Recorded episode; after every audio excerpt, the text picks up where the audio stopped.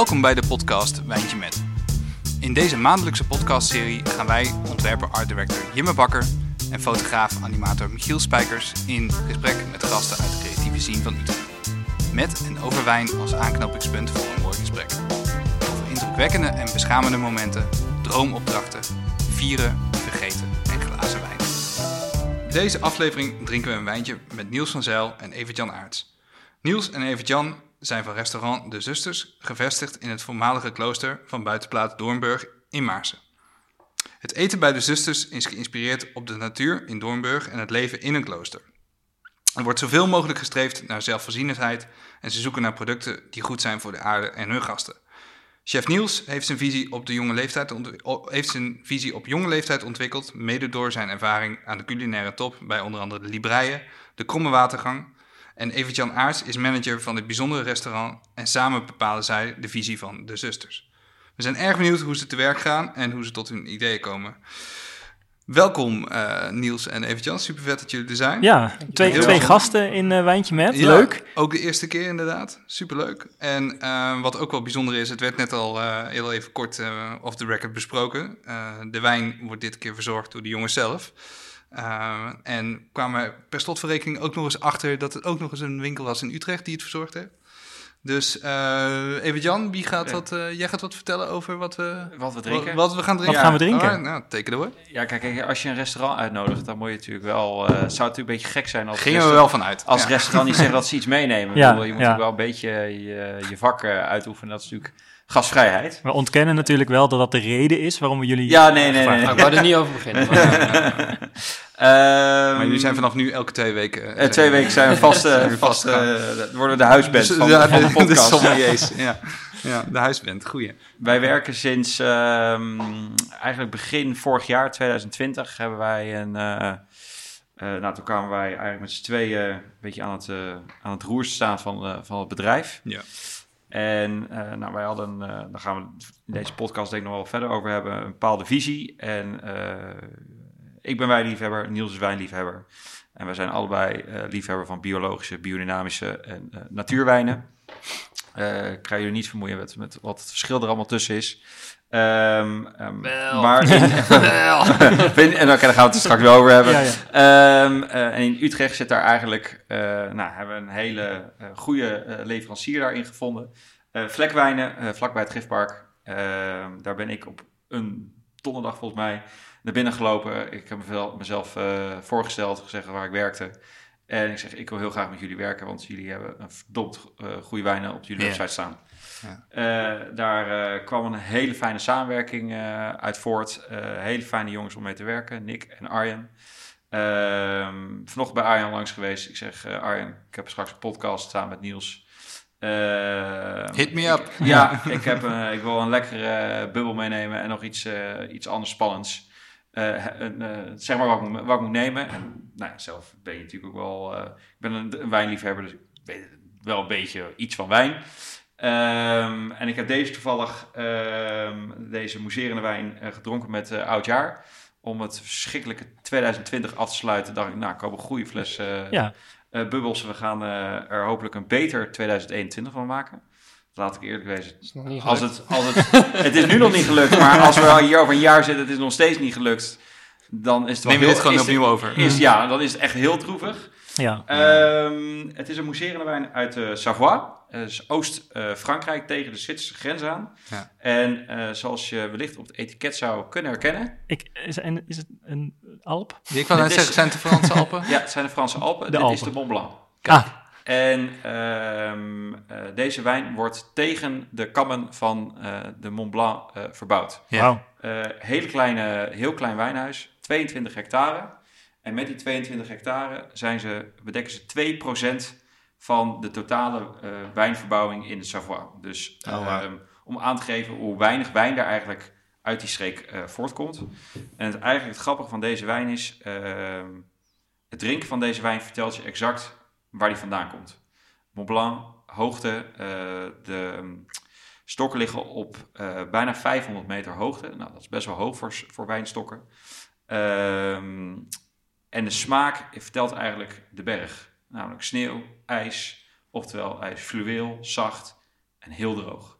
Oké. En ehm, ja, het grappige eigenlijk van deze eh, wijnmaker is dat hij, doordat hij zo klein is, ehm, ja, denk je van ja, het zal wel niet zo bijzonder zijn.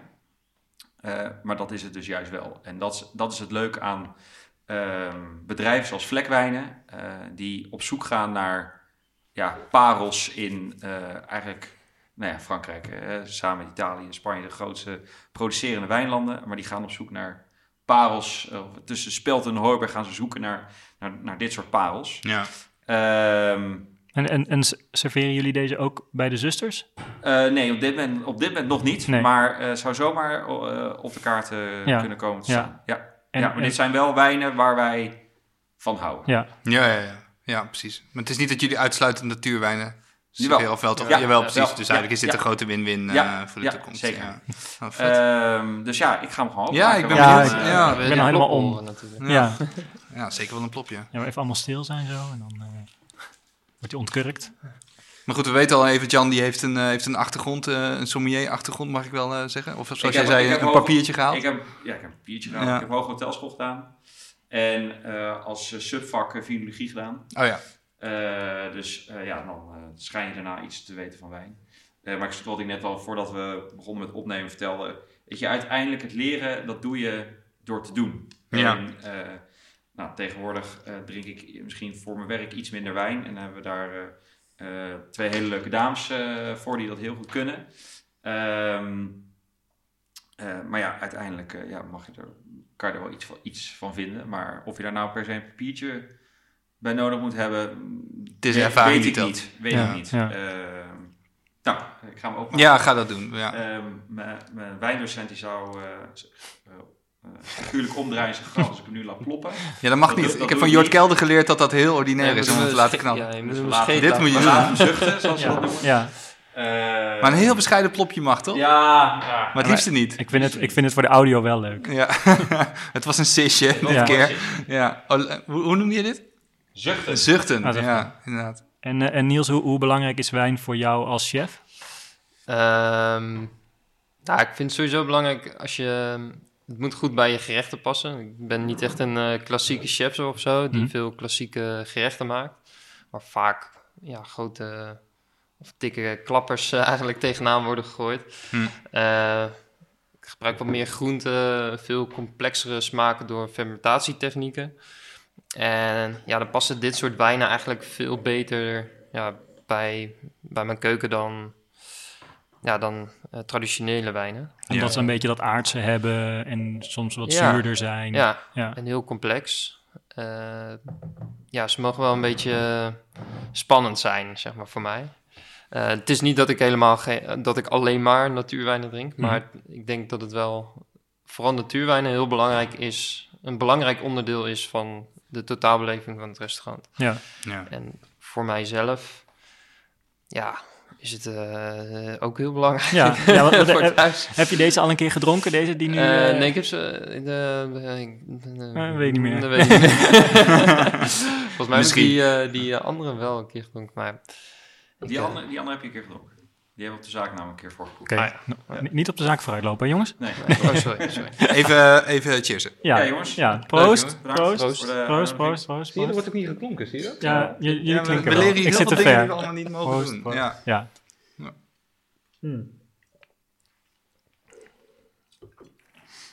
Ik, ik heb het idee dat ik elke aflevering lekker zeg. En Ja, dat, dat zeg je ook En dat dat niet mag. Maar, Ja, eh, klopt. Nou, dat mag je dus bij ons dus wel zeggen. oké. Ja. Als je een klassieke, het is wel grappig dat je het zegt, een klassieke wijnopleiding, dat begint mee, we gaan het komend uur, gaan wij niet zeggen of een wijn lekker is of Ja. niet lekker. Ja. Is, ja, ik vind het onzin. Waarom? Omdat jouw smaakpapillen binnen een halve seconde bepalen, ga ik deze wijn doordrinken of ga ik hem niet doordrinken? Ja, En als je vraagt, hoe komt dat? Dan is de vraag die je zelf stelt, is hij lekker of is hij niet lekker? Ja. En het is niet omdat eh, het een Chardonnay is of een Sauvignon of weet ik van andere bijzondere druif. Nee, de wijn vertelt jou, ben ik lekker of ben ik niet lekker? Ik denk dat het hem ook meer in zit, is dat het, dat het zo afgedaan wordt met één bevestiging. Jij steekt van Ja. wal met, met, met vijf minuten historie over Ja. een, een wijn. En dan Ja. iemand die daar met alle respect, veel van je gasten zullen na vier minuten uitzonen. Ja. En denken, ja, oké, prima. En jij schenkt dat ding in. En je kunt niks zinnigs zeggen, want je hebt de helft onthouden van wat je net hebt gehoord. En dan is het inderdaad een drinkje en dan, hm, lekker. En dan voelt maar het ik vind hem niet als maar Want dan is het zo'n contradictie. Zo van, oh, oké, goed. Ja, fijn, dankjewel. Ik heb net hier vijf minuten geïnvesteerd in jou. En nu eh, is er iemand die daar eh meteen Ja, zo over gaat. Ja, nou, Ja, goed. dat is ook aanvoelen. Per, Ja. per gast wie daar eh, echt zin in heeft. Het is niet dat hij in, eh, nee. als hij in het restaurant staat, dat hij daar een Nee, helemaal niet. Nee, helemaal niet. Ik had er wel eens een handje van. Eh, dan zeggen ze tegen mij, maken ze de bekende grap, ja, als je bij jou een kwartje ingooit, dan komt er niet 2 euro uit, maar bij jou komt er briefgeld uit. Ehm, maar zo vaak sta ik niet meer echt in het restaurant. Ehm, Waar sta je dan? Ik zit op een stoel. Ja, bovenin. Boven, nou ja, niet in de ivoren toren. In de eh, grote z- geld te tellen. Ja. Eh, nee, ja, ik, ehm, ik, ik ben er wel eens avond hoor. Ik bedoel, eh, het is niet dat ik eh, mezelf eh, de hele week wegstop en dat personeel me niet ziet. Sterker Nee. nog, nee.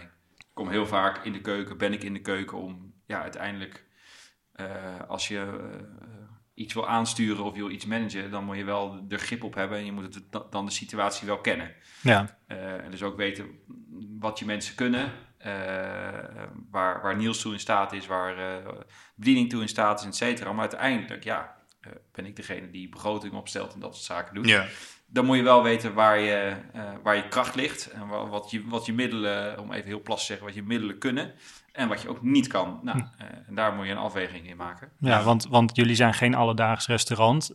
Ten eerste de locatie. Jullie, jullie zitten in een oud klooster. In, in op een soort, ja, het heet een buitenplaats. Ja. Wat, wat betekent dat precies? Eh buitenplaats is, komt eigenlijk ehm, eh, van, van vroeger. Eh, de buitenplaats uit de 17e eeuw ligt aan de Vecht. En de Vecht was in die tijd de plek voor de rijke luislieden, veel uit, uit Amsterdam. Die langs de Vecht hun tweede huis hadden. Ah. dus Ja, hun zomerhuis. Huis, eh, Ja. En eh, ja, nu pakken we de, de auto en eh, scheuren over de Route du Soleil naar Zuid-Frankrijk. Eh, vroeger hadden ze nog geen auto, maar wel de boot. En dan was het eh, de Zuiderzee op. En dan was het eh, tweede afslag rechts. En dan ging je de vecht op. Ja, ja. Ja. En eh, nou ja, oordeel zelf maar als je zelf bent. Maar het is werkelijk prachtige natuur daar. Van, eh, van Weesp tot aan Vreeland tot aan Maarsen. Ja. Ja, ja het is gewoon eh, ja, Nederland op zijn beste. Ja. Er komt ook het, eh, ja, Rijke Stinkers komt daar ook vandaan. Ja. Dat, eh, dus Ja. Ze willen eigenlijk de stank van de, van de havensteden, willen ze ja, eigenlijk eh, ja, eh, ontsnappen. Dus dan gaan ze naar Ja. waar het niet is. Dus daar komen de Rijke Stinkers vandaan. Ja, ik heb ook wel eens gehoord dat dat met name het gedeelte aan Luna aan de Vecht en zo, dat de huizen daar juist heel erg veel richting het water werden gebouwd. En met name ook de theehuisjes, zodat iedereen zoveel mogelijk kon flaneren. Ja, zeker. Met ja, wat, en dat eh, zie je bij ons in Maarsen ook. Ja. Eh, heb je een beetje een leuke buitenplaats, dan heb je ook een theehuis. Ja, ja, ja. ja. Dus ja, je moest natuurlijk wel zien, als je voorkwam, dan was theehuis het eerste ja. wat je zag. Want Ja. meestal liggen de buitenplaatsen, dus de, dat is wel grappig, de, de naam van de buitenplaats is altijd de naam van de woning. ja. Eh, dus Doornburg is bij ons het grote landhuis wat eh, op het terrein staat. Ehm, dus ja, je, je moest wel, eh, wel een leuk theehuisje hebben. Want Ja. dan, eh, nee, dan hoorde je er Dan niet. telde je niet dan mee. hoorde je er niet bij. Ehm, dus het waren, het waren eigenlijk zomerhuizen voor eh eh rijkeluis, eh, kooplieden of andere mensen uit, veel uit Amsterdam. En die hebben eh, eigenlijk dienst gedaan tot en met, eh, nou zeg eigenlijk eh, begin vorige eeuw. En toen heeft ons, waar wij nu werken, heeft een tijdje leeg gestaan. Tussen, zeg maar, tussen 1900 en 19, eh, nou eigenlijk tot de Tweede Wereldoorlog. En na de Tweede Wereldoorlog ehm, is er een zusterorde komen wonen op Doornburg, dus in het, in het landhuis. Ehm, dat zijn de canonikessen van het Heilige Graf, een katholieke zusterorde. En die kwamen oorspronkelijk uit Lochem. Eh, die wonen daar eh, Achterhoek. ja, eh, in, een, in een kasteel. Ze woonden al, toen al vrij op stand. Ehm, maar dat werd ingenomen door de Duitsers. Ja. Ehm, wat ik heb begrepen, ja, half gebombardeerd. Dus niet meer, ze konden niet meer terugkeren. En toen moesten ze op zoek naar een nieuwe onderkomen. En toen zijn ze via een omweg zijn ze op Doornburg terechtgekomen. Met z'n 35 ongeveer. Maar, Maar ja, als je Doornburg ziet en je moet denken dat er 35 zusters in wonen. Het is een groot huis, maar zo'n groot huis is wel... is het nou weer niet. En we hebben we nu Nee. over, eigenlijk over dat landhuis Ja, en niet over waar de, Ja. de zusters nu gevestigd Nee, zijn. nee. want dat stond er toen nog niet. Nee, oké. Ehm, en eigenlijk wat de zusters gedaan hebben, eh, dus die kloosterorde, Ja. die hebben de opdracht gegeven aan een architect, Dom Hans van der Laan, om eh, een klooster te bouwen op, eh, op de buitenplaats.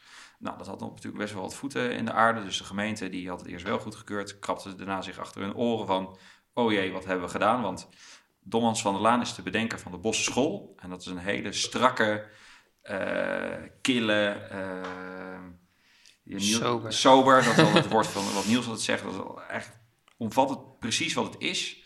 Als je aankomt lopen, denk je echt, jeetje, wat is dit? Ik kan me nog heel goed herinneren dat ik de eerste keer toen ik bij hem op bezoek ging, en want toen werkte, ik, eh, toen werkte hij er al wel en ik nog niet. Hm. Toen dacht ik, dit is een soort crematorium is dit. Het, zie- het ziet er niet uit. Had, je- Tegenwoordig had jij dat ook, Niels? Dat je toen je daar voor het eerst was, dat je dacht... Ja, ja, ja, maar ik voel daar wel wat voor. Ik hou wel heel erg van dat, van dat strakke en van de, ja, de, de- ja, stenen vloer is het. Dus ik hou daar heel erg van. Een strakke Geen lijnen. Nee, totaal Nee. niet. Nee. Nee. Dus eh, ja, ik voel daar wel wat voor. Ja. Dus, eh, het is ook anders dan normaal, dus dat is sowieso al wat eh, opvalt. Ja, Eh, ja, het, het is wel anders, ja. Ja. Dat wel. Kan zoiets dan bijdragen in wat je dan ehm, serveert? Ik kan me voorstellen dat het dan...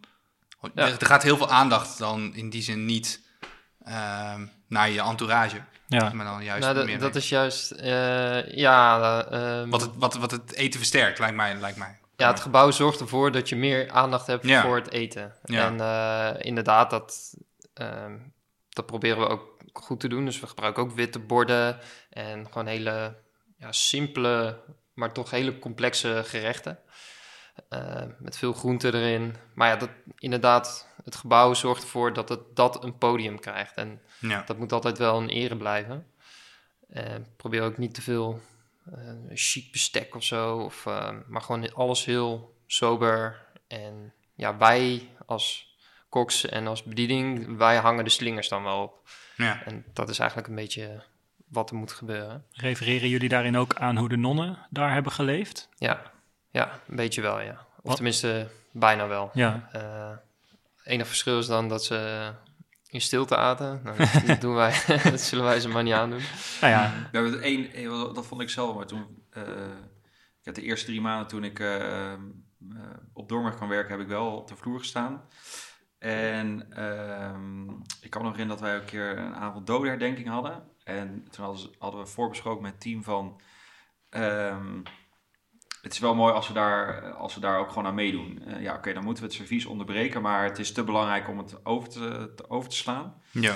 En toen hebben we, nou, ging, eh, we hebben eh, in het klooster het oude eetbelletje. Dus echt zo'n, ja, alsof je vroeger misschien bij je oma of heel vroeger, Ja. hè, dan werd er gebeld als er gegeten moest worden. Eh, dus dat hebben wij in het klooster ook, eh, een oud eetbelletje. En eh, nou, dat was toen het teken om acht uur dat we stil waren. En we hadden daarvoor al in onze introductie gezegd van, goh, u bent nu in de refter, oude eetzaal. Eh, het enige grote verschil eh, van vroeger en nu is dat vroeger werd er in stilte gegeten.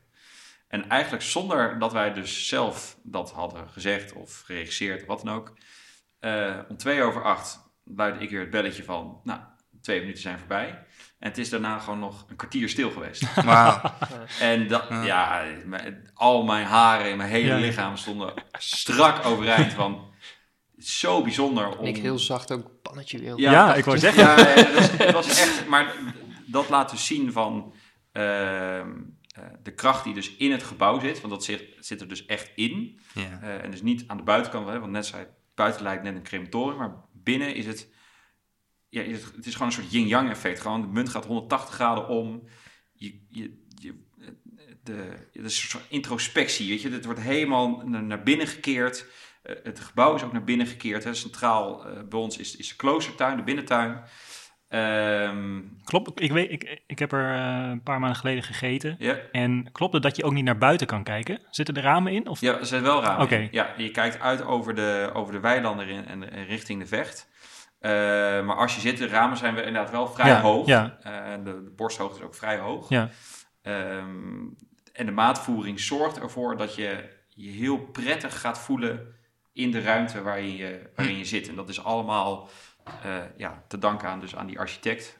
Die heeft dus een, een stijl ontwikkeld die, nou, die, die dat dat gevoel opzoekt. Want het is een, een, een bepaald gevoel. Ja. Eh, en voor de zusters was dat vroeger, eh, omdat het allemaal zo simpel en sober was, hadden ze heel weinig afleiding. En omdat ze juist zo weinig afleiding hebben, was hun overtuiging, kunnen, konden ze sneller tot, zich tot God bekeren. Eh, en, nou ja, daar kan je dan wel indenken. Als je tot God moet bekeren, dan wil je zo min mogelijk Ja, er afleiding werd, er en- werd eigenlijk voor gezorgd dat je gewoon, als je daar was, dat je dacht dat er niks daarbuiten was. Nee. Dat gevoel kreeg je een beetje. Ja. Van dit is de wereld en, en er is niks daarbuiten. Maar dit is toch het ultieme streven van een avond uit? Ja, ik wilde Ja. net Ja. zeggen, toch? Ja, maar Ja. dit is ook perfect voor jou natuurlijk als chef. Dat je gewoon alles gewoon compleet kan laten afhangen van wat je op je Ja, bord geserveerd krijgt. Ja, maar wel toch spannend voor heel veel mensen hoor. Het is wel een, een soort van drempel waar je overheen moet. Want eh, helemaal aan het begin, toen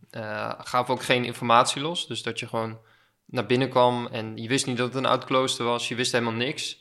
En dan moet je aanbellen, deur gaat open en dan, ja, wat gebeurt hier? Wat, wat is dit? Ben ik in een crematorium? wat, wat gebeurt er? Ja. En eigenlijk dat effect eh, moet je compleet omdraaien. En dan ben je als het ware blij verrast.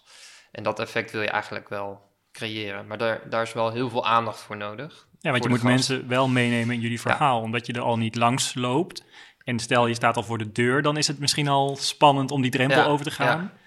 Voor Wat- sommigen ook te spannend hoor. Ja, ja. Want wat, wat doen jullie om dit, om dit verhaal te vertellen? Is er... Het, ja, het- simpelweg zoals het, jij- precies je het het verhaal zegt. vertellen. Ja, Ja. precies zoals je het zegt.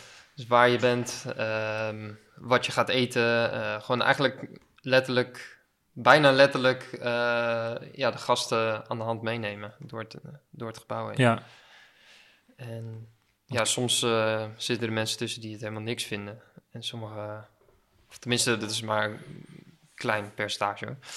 Eh, maar de, dat effect wil je elke avond wel creëren. Dus dat je van, waar ben ik? Dat je naar buiten gaat van, wat heb ik meegemaakt? En ja, dat, dat effect. ja. Ehm, En, en komt dit gevoel ook voort uit horeca-ervaringen die jullie zelf hebben gehad? Dus, dus dat jullie in een restaurant waren waarbij jullie hetzelfde ervaarden van het moet moeite doen, maar het levert heel veel op? Nou, dat. mm, Tenminste, het mooie is dat je dat dan zelf niet doorhebt. Ja, Dat is eigenlijk de hele truc. Eh, dat je dat pas doorhebt als je buiten staat. ja. Ehm, maar wanneer dat gebeurt, ja, ik zou het zo. Ja, het De enige link die ik, heel voor, uniek. die ik voor mezelf heb, is eh, mijn allereerste stage was in, eh eh, het is toen ik hotelschool deed, was eh, eh, in eh, de Dillen in Amsterdam, zit op de Keizersgracht. Eh een van de luxe hotels van, eh, van Amsterdam. Mhm. Eh, ik heb er dingen meegemaakt, nou, daar kan je een hele podcast aan aanwijden, kan ik je vertellen. Ehm, Volgende maand ben je weer te gast. Ja. Ja, ehm, maar daar hadden ze ook een, een intern in het hotel een, een restaurant, eh Vinkeles, met eh een Michelin, zou ik niet vergis. Eh, maar dat hadden maar negen tafels. Dus eigenlijk echt, te, te, eigenlijk gewoon heel klein. Ja. En, eh, maar daar stonden we met vier, nee, vijf man bediening. Stonden op negen tafels. Wauw. Gezellig. Eh, ja, heel gezellig. Ehm, maar eigenlijk komt dat voor mij nog het meest dichtbij wat wij, wat wij nu bij de zusters doen. Is, ehm, je zat daar ehm, in een oude bakkerij, ook 17e, toevallig ook 17e eeuws. Eh, dus je had ook een vrij rustige omgeving. En dan juist met negen tafels ook weinig afleiding van andere gasten of het volume van een, van een grote zaak.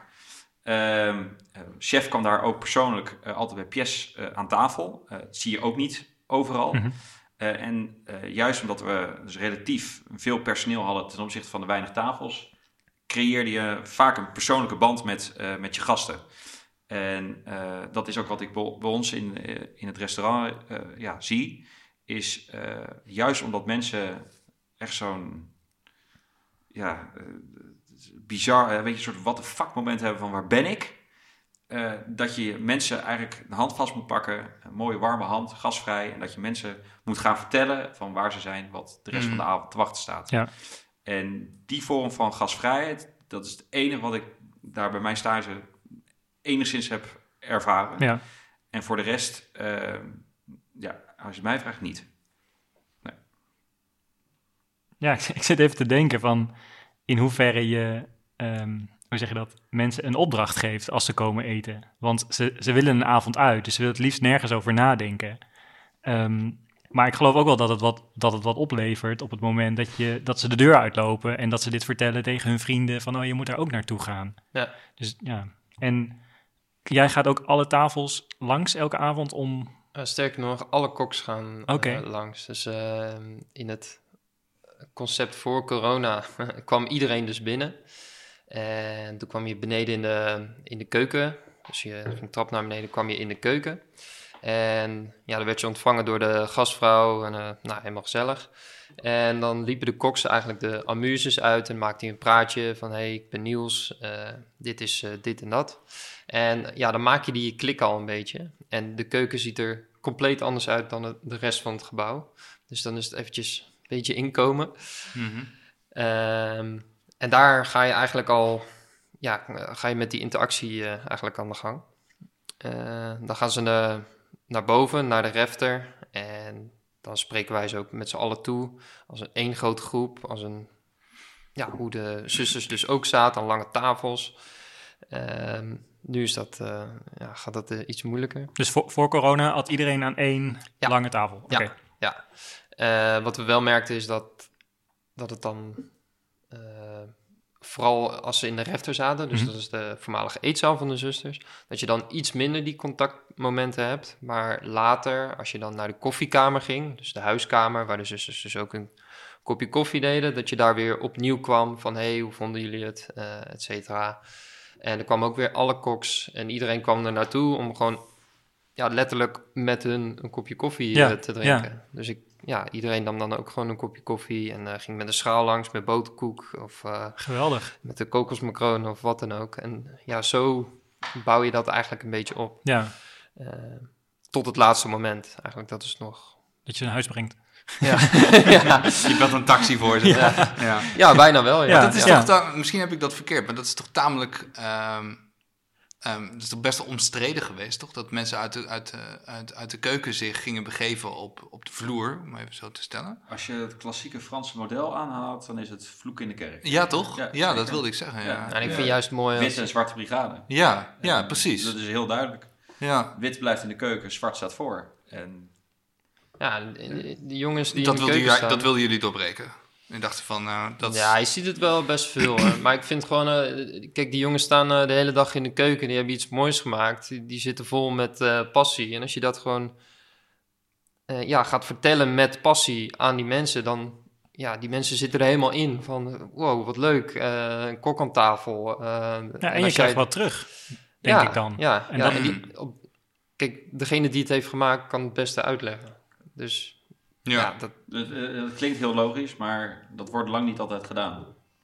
Weet je, al- als, als, als iemand straks aan mij vraagt hoe deze podcast wordt gemaakt, dan kan ik er wel er iets over vertellen. Maar jullie met z'n tweeën kunnen het best vertellen hoe deze pod- ja, podcast ja. in elkaar Ja. zit. Maar waar, waar komt dan dat traditionele aspect vandaan? Want dat, dat verbaast me dan wel, dat dat dan zo gescheiden is gebleven met een bepaalde filosofie, lijkt me. ja, dat is Ja, dat ooit eens een keer wel. eh, Ooit een opgeschreven keer bedacht door en dat is eh, zo'n zo'n soort etiketten. Escoffier, eh, dat, Ja. soort, eh, ja, dat soort etiketten inderdaad. Ja, ja precies. Ja, want Niels, jij hebt bij best wel grote bekende sterrenrestaurants gewerkt. Was het daar ook zo los als, of los, zo, zo out of the box als jullie het aanpakken? Eh, ja, dat verschilde wel heel erg per restaurant. Waar heb je het meest geleerd? Ehm, nou, ik- kijk, het, ik, ik heb zo mijn, eh, ja, mijn leer, eh, restaurants, leertraject eigenlijk eh, uit, uitgestippeld. Dat, dat, want ik wist van mezelf, ik wil later zelf chef worden of ik wil mijn eigen zaak hebben. Dus ik heb dat zo uitgestippeld. Ook al zijn bedrijven die ertussen zitten wat ik niet leuk vond. Of, maar daar haal ik ook weer uit van ja, wat niet goed gaat en wat wel goed gaat. Dus, ehm, nou, qua hiërarchie, ja, daar ben ik sowieso niet zo van. Eh, ja, dat waren we eigenlijk heel erg van de vraag af. Wat was de vraag? Nou ja, nou ja, het maakt niet uit. Eh, nee, maar ik wil meer van ja, op welke plek je het meest geleerd hebt. Oh, die, eh, ik denk wel in eh, Kopenhagen. Ik heb twee, drie maanden in Kopenhagen gezeten. Hoe kwam je daar terecht? Ehm, gewoon interesse, ja. Gewoon eh, solliciteren voor een stage. Ja. En, eh, dat is natuurlijk heel erg booming met Noma, et cetera. Ik wou zeggen, de Kopenhagen staat redelijk hoog in de Ja. gastronomie. eh, Daar zijn mij. de sterrenrestaurants voor het uitkiezen. Ja.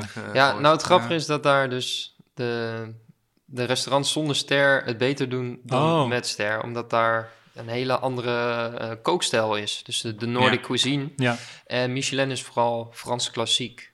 Dus Oh. eh, ja, die stijlen ja, die botsen heel erg tegen elkaar. Maar waardoor- Noordic cuisine, is dat, is dat meer homecooking of zo? Of hoe moet je dat zien? Eh, nou, veel groenten, ehm, eh, lokaal, eh, lokaal, biologisch, eh, vis, eh, ja, fermentatietechnieken. Ja. Gewoon een compleet andere technieken wat, Ja. ja. de, wat de Franse keuken eigenlijk heeft. Ja. Maar wel ook wel heel, ja, ik durf bijna niet te zeggen, hip de afgelopen Ja, ja, jaren. ja, absoluut.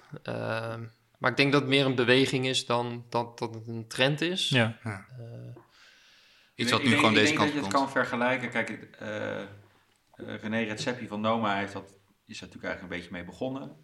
Eh, je hebt ook de moleculaire, moleculaire kant gehad van eh El Bulli in Spanje. Ja, eh, met Hessen Bloementaal, in, eh, met Verduk in, in Engeland. Dat zijn een aantal van die stromingen die op een gegeven moment dat er een chef is die, die gewoon een soort van revolutie evolutie inzet.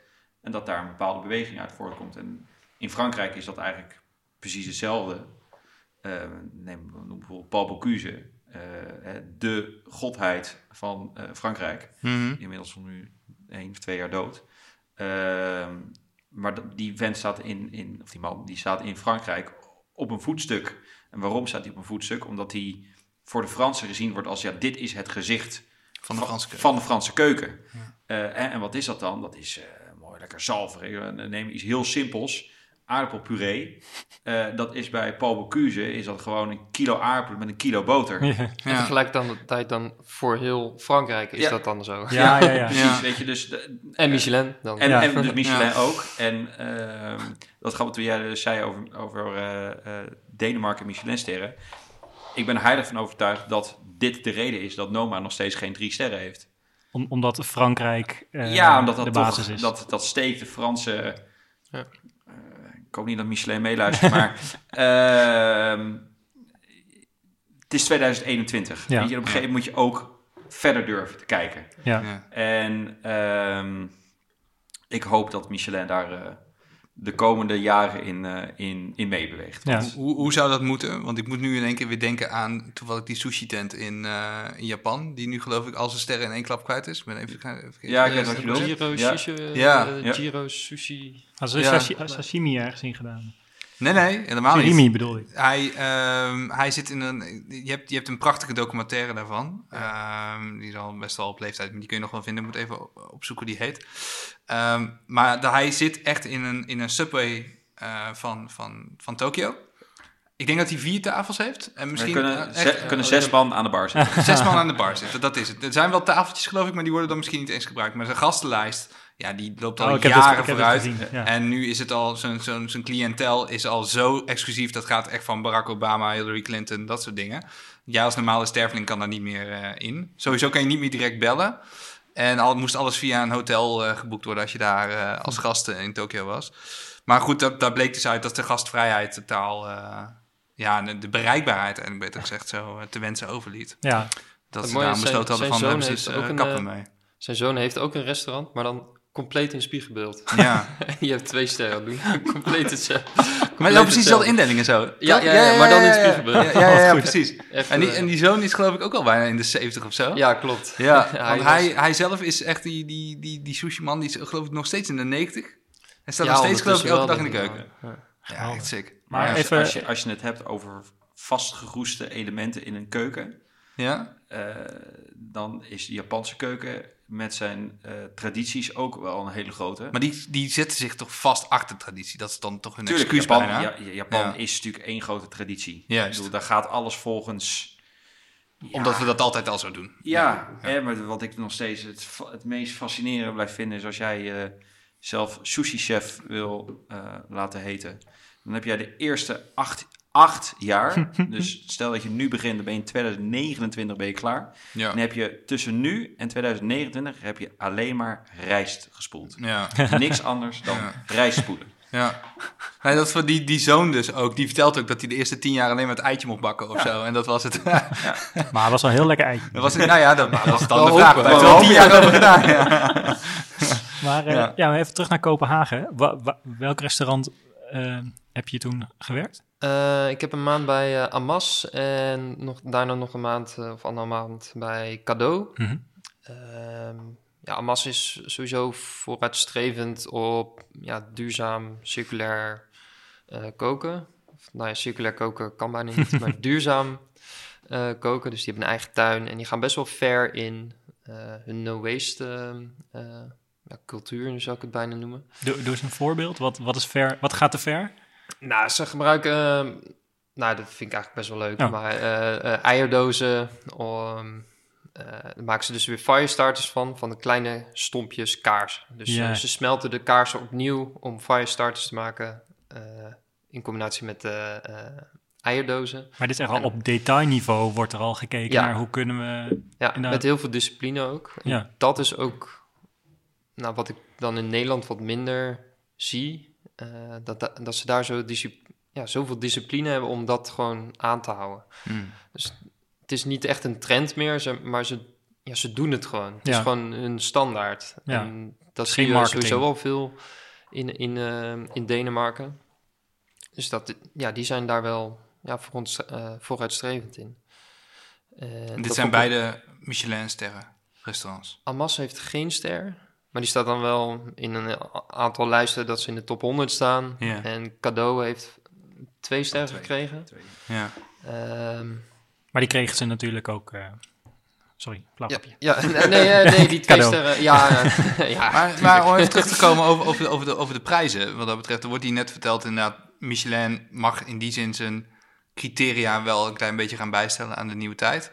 Ja. Ehm, tegelijkertijd merk ik ook in mijn kringen van... oh ja, Biep Gourmand, ehm, Michelin... het wordt allemaal zo ehm, gebruikt als bijna excuus van... daar moet je gaan eten. Prijzen zijn in die zin heel erg bepalend, denk ik. Nog steeds. Ehm, maar tegelijkertijd vraag ik me ook wel eens af van... ja, een, een, een, een goede review eh, op Google kan ook al een heleboel betekenen. Dus hoe, hoe verhoudt zich dat voor jullie? Maar het zijn zijn wel- Michelin-sterren nog steeds zo echt zo... ja, belangrijk? Ik denk dat de oudere generatie Helpt daar zeker. wel houdt dat zeker. Maar als je kijkt naar Amsterdam, zitten zoveel goede zaken. Ja. En eh, die hebben geen ster. Ja, schiet mij maar lek hoor. maar ik, ik, ik, ga het niet doen hoor, maar ik durf zo ook de vijf zaken te noemen in Amsterdam die geen ster hebben. Die beter koken dan vijf zaken met wel een ster. Ja. En de vijf die het... Nee, nee, nee. nee, Maar dat jullie- nee, maar dat is vaak zo. Maar toch maakt dat, het, maakt dat je beleving wel ehm, anders. Ja, ik vind, ik, je staat gewoon 1-0 voor als je een ster hebt. Ja, maar dat is toch ook best raar. Want ik was laatst bijvoorbeeld was er een, eh, was er een soort gast, ehm, een, ga- een gastkeuken, mag ik dat zo zeggen, van Parkheuvel. Ja. En nog een restaurant waarvan ik even vergeten ben welke, hier in Utrecht. En die gaven toen... Bij de Anthony. Bij de Anthony, precies. Ja, daar heb ik toen gegeten. Ja. En ja, ik ben, ik hou echt wel van heel erg lekker, lekker eten en gastronomisch ook wel. Ehm, maar, maar ik kan niet zeggen dat mijn smaak zo verfijnd ver gaat dat ik het verschil kan merken tussen Michelin en gewoon een echt heel erg goed restaurant. Precies wat jij net beschrijft. En mijn vriendin en ik stuiten daar allebei op dat we merkten van hoeveel beter is dit nu echt? Ja, maar je nog? gaat, je gaat er anders nee, maar dat is precies eh, Ja. inderdaad wat, Ja. wat het probleem is. Ja, dat is het probleem. En, Daarom. en Dus, Michelin is natuurlijk ook niet eh, alleen maar het eten. Nee, het is ook of, of je parkeergelegenheid in de buurt hebt en zo, weet nee, ik. daar eh, wordt, dit zijn natuurlijk veel criteria waar je aan Ja. moet voldoen. eh, om Maar ze altijd uiteindelijk geheimzinnig over. En daar doen ze altijd geheimzinnig Oh, over. Maar bijvoorbeeld, eh, vaak het grote verschil bijvoorbeeld met 1 en 2 sterren... eh, zit hem niet zozeer in het eten, maar zit hem echt puur in de service. Ja. Ehm, weet je, en de- dat, dat vind ik dan ook een hele belangrijke waarde om, om daar erkenning eh, voor te geven. Ja. En het grappige eigenlijk is wel dat ze, als je de Michelin-gids echt openslaat, dan zie je meer dan alleen een sterretje. Weet je? Dan heb je ook eh, klassificatie in, in wat ze dan huisjes noemen. Dus de huisjes geven aan hoe mooi de plek is. Ja. Eh, en dan heb je ook nog de vorkjes en de mesjes. En de vorkjes en mesjes geven aan hoe, hoe goed eigenlijk het eten is. En dat allemaal tezamen genomen noemen zij dan hun sterrenclassificatie. Ja. Ehm, alleen het grappige is dat bij de eh, gemiddelde persoon, om het maar zo maar te noemen, is alleen die sterrenclassificatie bekend en niet zozeer ook de vorkjes en de mesjes en de huisjes, et cetera. Ja. Eh, terwijl dat ook zo belangrijk is. ja. Eh, Maar waarom wordt er zo geheimzinnig over gedaan? Ja, de- ik denk dat dat het hele Dat Ja, heet de de- mythe van Michelin. Ja, Ja, de, de- de, mysterie. Ja, nou ja, ik, ik, ja, ik kijk er niet zo snel meer naar. want Ik, het is ook niet mijn droom om een ster te krijgen. Tenminste, ik wil zo, goed, zo hoog mogelijk presteren, alles eruit te halen wat erin is. Ja. Dus in zit. En alles wat daarbij komt kijken is mooi meegenomen. Eh, ik, uiteindelijk kook je voor je gast en niet voor een sterretje die je op je voorgevel kan plakken. Maar En- is, is, is, is er ook de druk, de werkdruk anders in een sterrenrestaurant dan een niet-sterrenrestaurant? Ja, mensen komen toch wel met een, een, ja, verwachting binnen. Ja. Oké, één ster, twee ster, drie, Ja. drie ster. Vooral bij drie sterren. Ja. drie sterren Ja, dat- zijn eh, Franse voorbeelden, die eh, chefs die helemaal onderuit gaan. Ja. Gewoon Ja. mentaal. Ja. Omdat, weet je, mensen komen met zo'n hoge verwachting binnen. Ik bedoel, nou, ja, Niels heeft zelf al bij Librei gewerkt, drie Ja. sterren. Ja. Dus Niels kan misschien zelf als persoon eh, even vertellen hoe het is om te werken. Maar wat ik me als leek zou kunnen voorstellen is... als jij in zo'n zaak werkt, dan is het niet werken elke dag voor een nationaal kampioenschap. Ook niet voor een Europees kampioenschap. Nee, Voor de het is elke dag Ja. werken voor Olympisch goud. Ja. Ja. Weet je? En dat dag in, dag uit, met dezelfde discipline, met dezelfde producten, et cetera. Ja. Ja, ga er maar aan staan. Dat, Ja. nou ja, jij kan dat... Ja. Ja, ook, eh, de- nou, je werkte dan met 20 man, maar ook als er 12 man in de keuken stond, omdat er een aantal zieken waren of wat dan ook, moest hetzelfde resultaat komen. Ja, ja. Ja. Ja, dan, dan, dan moest je echt eh 30 kilometer per uur eh, gaan eh, rennen. Ja. Maar je moest het wel altijd voor elkaar krijgen. En dat, eh, Ja.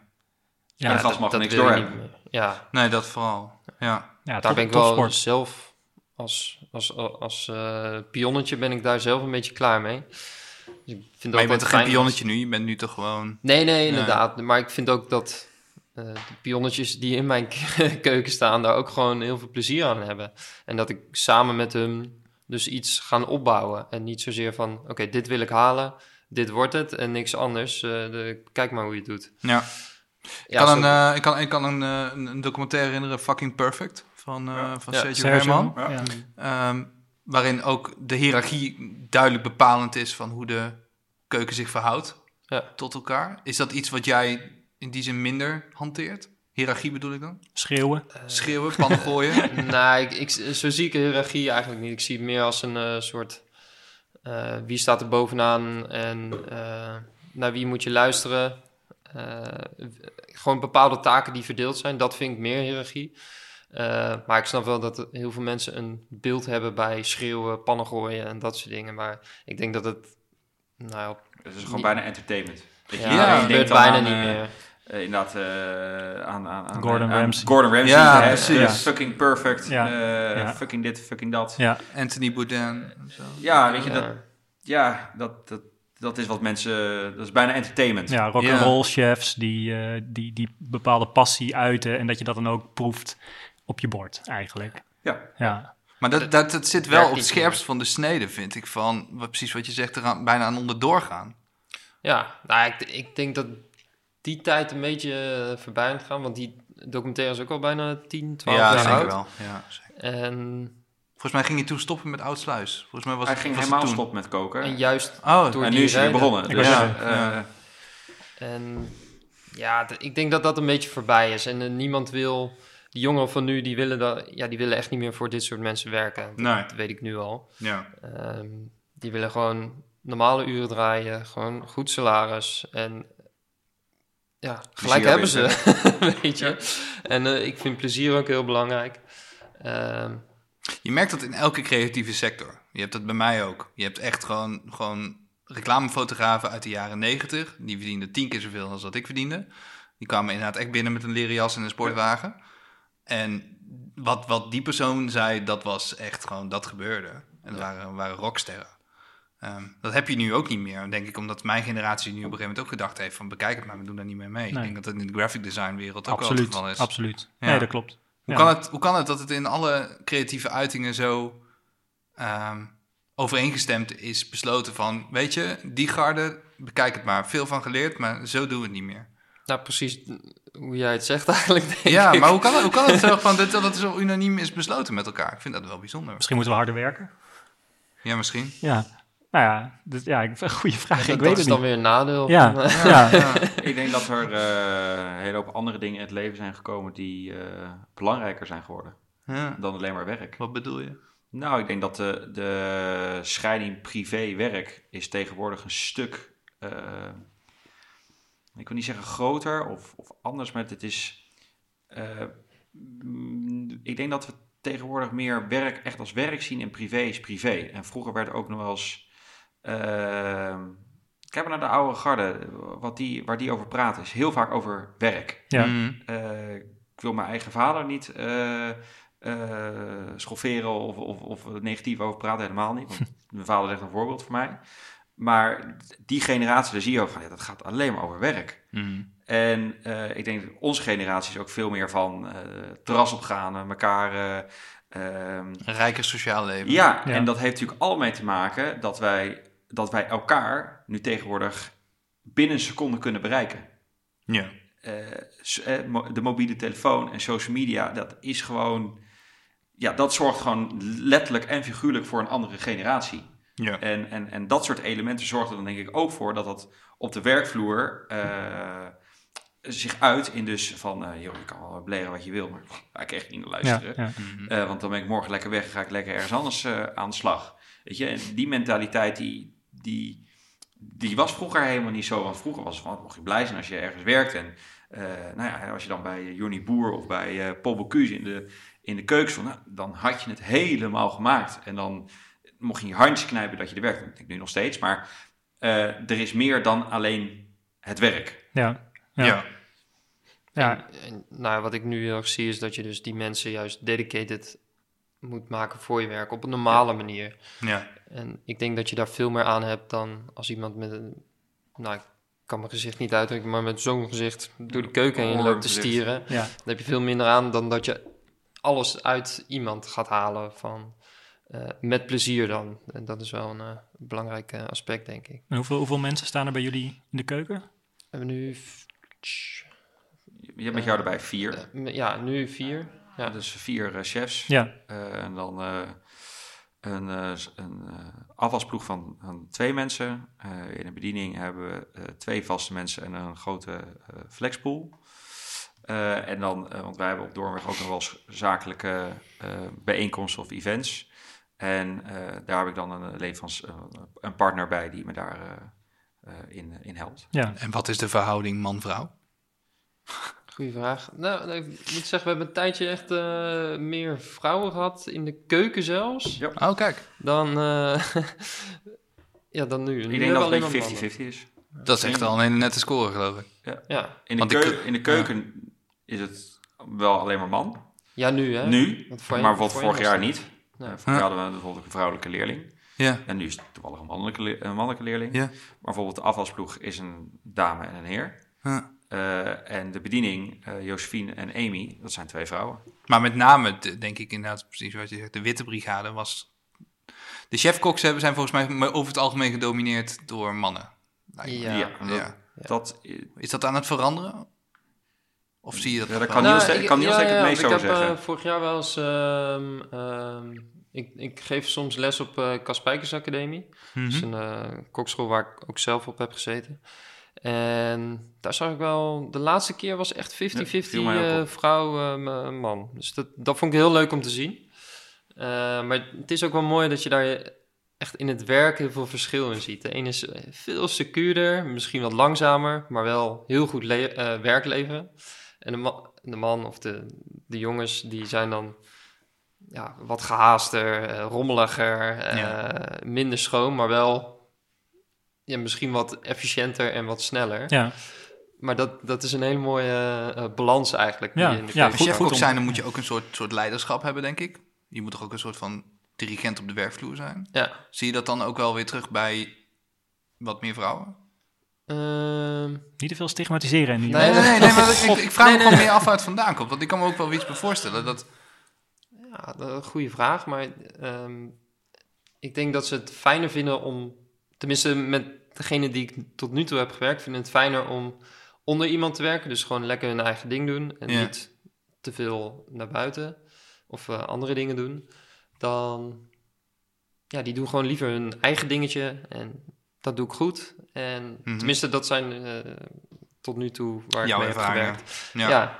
En bepalen jullie dan met z'n allen ook ehm, wat er op tafel komt? Of hoe, hoe als in met die vier eh, ja, chefs?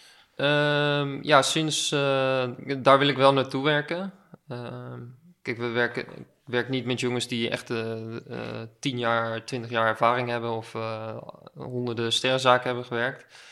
Maar ik probeer ze wel mee te nemen in het verhaal. En dat is wel, eh, ja, dan kom je samen, kom je wel tot gerechten. Dus ik gooi wel eens iemand in het diepe. Of van, maar dan pak ik ze ook aan als het ja, dan ga ik ook kritisch zijn. En als ze een nieuw gerecht verzinnen of eh, iets in die trant, dan moet het ook gelijk goed zijn. Ja, want hoe, en daar hoe- leren ze alleen maar van. Hoor. en hoe verzin je dat dan? Ga je dan iets tekenen? Of schrijf je dan wat dingen op? Of gooi je wat in een pan? Of wat is... Ja, Je, moet- je moet even het voorbeeld geven wat je, wat je Tom had gegeven.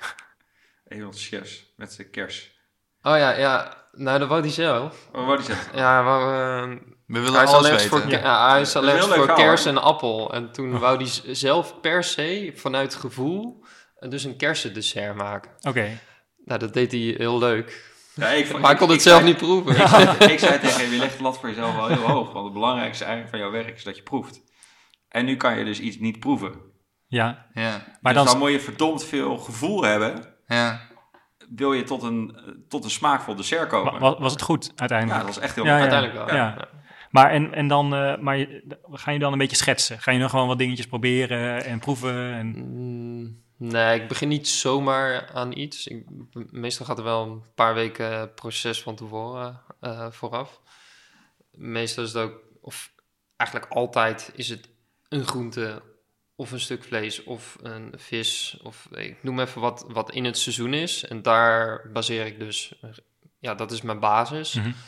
En dan ga ik er dingen bij verzinnen Ja. in mijn hoofd. Dat duurt twee, drie weken. Totdat het allemaal klopt in mijn hoofd. En dan ga ik het proberen. Twee, drie weken. Ja, bijna wel, ja. Dus dan laat je dat een beetje, even een leuke grap, Maar schrijf je niks sudderen. op. Ja, ja, en, dan, ja. en dan is daar... oh, Nee, ja, in mijn mobiel op notitie van, eh, nou ja, eh, voorgerecht eh, maart week 1. En dan, eh, nou, dan schrijf ik even wat op en dan de volgende dag haal ik het weer weg. En dan komt er weer iets anders. En dan... Maar ik word ook heel, ja, heel veel geïnspireerd door social media, eh, boeken. Het is niet dat ik het één op één kopieer, maar meer van, maar dan ja, heb die je dus- zijn mooi. Of, eh, en de smaakassociatie, die... Nou goed, het is je vak, dus ik snap het wel. Die maak je in je hoofd. ja. En dan is het eigenlijk alleen nog maar dan het bewijs. En dan neem ik aan dat jij dan proeft. Ja. Ja, top, sowieso, denk ik. Heel vervelend. Ja, Lekker. Ja, eens in de zes weken op woensdagavond weet ik dat ik op de zaak eet. Dat is ook heel, eh, Heel erg. heel fijn voor thuis, want dan Ja. weet ze dat, dat ik er niet ben. maar dat is dan een soort proefkooksessie of zo dan. Dat is echt Ja. heel belangrijk voor ons. Ja. Ja, en dan, Dat heb eh, ik wel gemerkt, ja. Want o- oké, dus jij, jij maakt dan denk ik gewoon een heel menu. eh, of, en dan verschillende varianten. Of ben je er al uit van oké, dit wordt hem. En als hij het niet lekker vindt, een beetje zout erbij. En dan eh, is het- Dan was het maar zo makkelijk, maar... dan was het maar een beetje Ongeveer in die strekking Ja, wel. kijk, je kan eh, veel restaurants, tenminste veel restaurants, sommige restaurants houden zich vast aan die klassieke dingen. Dus dat je gewoon eh, bepaalde combinaties hebt wat heel goed bij elkaar past. Ja. Ehm, maar ik zoek die combinaties niet op. Ik zoek juist combinaties op wat je ja, eigenlijk niet zo snel tegenkomt. Eh, maar het moet wel altijd lekker zijn bij elkaar. Het hoeft niet bij mij spannend te zijn, maar het moet gewoon heel goed aansluiten op wat ik, ja, op, op de rest van de componenten. Hmm. Ehm, ja, dat, dat, ja dat, dat is gewoon een proces in je hoofd. Van oké, ik heb een heel mooi stuk prei. Eh, wat kan ik daar aan doen om het nog lekkerder te maken? mhm. Het product staat sowieso ja, redelijk hoog. Eh, dus daar bestel ik ook bij eh goede groenteleveranciers of eh, lokaal ga ik zoeken, een goede kaas. Of, die, die geef ik dat podium en Mhm. dan ga ik kijken van hé, hey, wat, ja, wat, wat balanceert. En het hoeft ook niet smaakexplosies te zijn, maar het moet heel fijn eten. En daar ben ik wel afgelopen twee jaar of anderhalf jaar wel druk mee bezig geweest. Van wat, wat is belangrijk in een gerecht? Kijk, het kan wel heel veel smaak hebben, maar als je twee happen hebt, eh, dan ben je er helemaal. Misschien ben je er dan al helemaal klaar mee. Mhm. Maar die gasten eten heel gerecht. En als dat ja, voorkomt, dan, ja, dan moet je wel goed eh, eh, gevoel voor creëren. Dus je moet een heel gerecht proeven. Je moet kijken van, hé, hey, wat balanceert. Je hebt zuur, je moet daar iets vettigs tegenover zetten. En zo ga je eigenlijk een beetje te werk. Eh, Dus je hebt wel een kader waar je je aan dient te houden dan. Ehm, Een smakenkader, of hoe zeg je dat? Ja, nou, Ja. de smakenkader valt wel mee, maar ik vind het wel belangrijk dat het in balans blijft. En dat is denk ik het Ja. allermoeilijkste van een gerecht bedenken. Eh, Ma- Massimo Bottura, dat is een eh, Italiaanse chef eh, uit Modena in Italië. Eh, een paar jaar lang beste chef van de wereld Ja, de grootste toch? Ja, ik was Ja, ja. en die heeft wel een hele mooie documentaire waar eigenlijk in de eigenlijk eerste kwartier gaat het om, het, gaat het om de essentie van eten. Ja, En dat is je smaakpalet. ja. En zijn smaakpalet is, eh, nou, Al- anders zeggen, dan is anders dan van, van Ja. andere mensen. Dat maakt hem ten opzichte van nou, ons drieën eh, een uniek persoon. En eh, alleen hij moet zijn smaakpalet naar een niveau vertalen dat onze smaakpalet van ons drieën ook zegt: hey, ja. dat is gaaf. Ehm, en, en dat is een, een, een, een balans waar je, ehm, die, je, die je op moet zoeken. ja. Ehm, en, en daarom is dat, ons, dat, dat proefeten eh, is, is heel belangrijk. Eh, weet je, ik kan wel eh, samen met hem gaan zitten, dat we met z'n tweeën een menu gaan eh, proeven. En dat ik zeg, ja, dat is maar wij lekker. gaan daar dat niet elke avond zitten. Dus Nee, zijn wij gaan er niet mensen uit. die daar gaan Nee, dus wat doen wij? Wij nodigen het hele team uit. Eh bediening, Tot afwas tot de afwas eraan toe. Eh, met het hele team gaan we eten. En elke opmerking die over tafel gaat, schrijf je op. ja, en is ook bloedserieus. Ja, tuurlijk. Als de afwasser zegt, ik vind het te zout, dan is het te zout. Ja, ja, ja. Want anders zegt hij het niet. ja. Ehm, en dan, dan, dan gaan we daar eh, naar kijken. Ik filter het wel soms. Ja. Soms vind ik, nou ja, het is gewoon een kwestie van smaak. Ja. Dus als het te veel afwijkt van wat ik had bedoeld, dan, ja, dan eh, Dus dat zeg je dan ook tegen die afwas. Nee, nee, nee. Het is kwestie van smaak, Het is hè? gewoon eh, wat ik zelf dan, oké. ja. En, en wisselen jullie dan, wisselen jullie voor corona eigenlijk elke week met het menu? Nee, nee, nee. Oh. eh, volgens mij Zes per zes weken. Zes ja. Oh, oké, Ja, ja. dat- ja. Dus daar zit dan heel veel verfijning en eh, Ja, ja. ja wat, wat ik juist nu heel erg mis, is dus dat die verfijning dat je nu alles in een doosje doet en de mensen moeten dat thuis doen. Ja, En die verfijning kan je juist, of daar zijn wij dan heel goed in. ja. Ben je, nou, ben je nou wel eens, want dat vind ik dus het meest bijzondere aan op dit moment de, de, de hele thuisbox, is dat bij elk restaurant waar ik tot nu toe ehm, besteld heb, is dat ik kan het bijna niet verprutsen. Ik kan me, Ja. en, en het zijn een paar, een paar hele kleine handelingen en je hebt echt iets geweldigs op tafel. En dat ik dan me ook wel eens afvraag van, limiteert jou dat wel eens als chef om zo'n Ja, eh, tuurlijk. zo'n box te maken? Ja, Ja, zeker. Je kan Ja. niet zomaar een, eh, ja, dat, eh, in, in, in jargon, eh, een, goede cuisson geven. Dus dan moet eerst Ja. een voorbereidend werk. Dus Ja, jij zegt ja, ik weet niet wat het is. Garing. Oké. Garing, ja. ja. Ehm, dus eh, stel je gaat rundvlees geven eh, en je wilt een medium. Ja, dat kunnen wij het best. Eh, met Ja. alle respect. Maar ja natuurlijk. ja, dat kunnen wij gewoon beter. En dat, ja, als je dat thuis dan nog een keer op moet warmen, bla bla bla. Ja, eh, alle sappen lopen eruit. Eh, ja, het is gewoon niet wat je wil. En dus dan kies je wel voor een iets veiliger eh, Een compromis. weg. Ja, ja. Ja. ja. dat eh, is aan de ene kant wel zonde. Ja, vind je dat? Ja? Ik, ik, ik- ja, wat ik al zei, ik vind het nogmaals echt ver- verdraaid knap hoe je dan die dingen bij elkaar kan Ja, bedenken. nou, Dat het is een stukje... Je kan niet het achterste van je tong laten zien. Nee. Dat is wel heel gaaf. En dat, Ja, dat wil je dat, natuurlijk. dat is ja. natuurlijk het liefst wat je graag wil. Ja. Ja. En je hebt je- natuurlijk ook al ja. de, de hele eh, entourage niet mee, van, van daar zijn, eten, dat soort dingen. Ja. Dus je, je wil eigenlijk de ervaring aan de mensen thuis geven. Nou, waarschijnlijk kom je een heel eind. Mhm. En, maar zijn er nu wel, ben je nu wel aan de zijlijn dingen aan het proberen voor, voor als ooit eh, de deuren weer open gaan? Nou, we zijn, we zijn twee weken geleden zijn we dan met een drie gangen diner begonnen. Wat we hiervoor dus een dinerbox deden, wat meer delen was, wat comfortabeler, nog sneller op tafel. Zoals binnen een kwartier had je vijf gerechten op tafel. En nou ja, wat ik, wat ik al zei, ik, ik miste gewoon heel erg die verfijning en die, een beetje die druk, wat je, ja, waar je als kok altijd een beetje naar eh, aan het zoeken bent.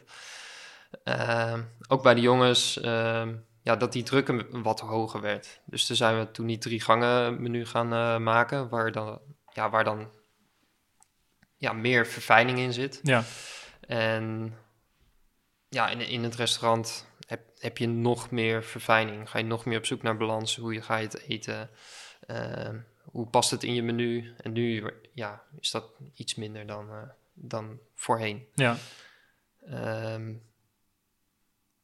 maar ik ben er nu nog niet bezig met gerechten eh, die we straks kunnen serveren. Ik, eh, ik zie wel wanneer we open kunnen. ja. Ja. En seizoenen veranderen, dus ik kan nu wel wat bedenken van ik doe hert op het menu. Ja. Ja, dat is in de lente, dat- hoef ik geen hert. Nee. Of eh, een andere groente, ja. of een eh, winterse groente. Wil je op de hoogte blijven van deze podcast? Volg ons dan op Instagram, @wijntjemet. Of heb je vragen of suggesties? Stuur ons dan een DM. En luister vooral naar onze vorige afleveringen.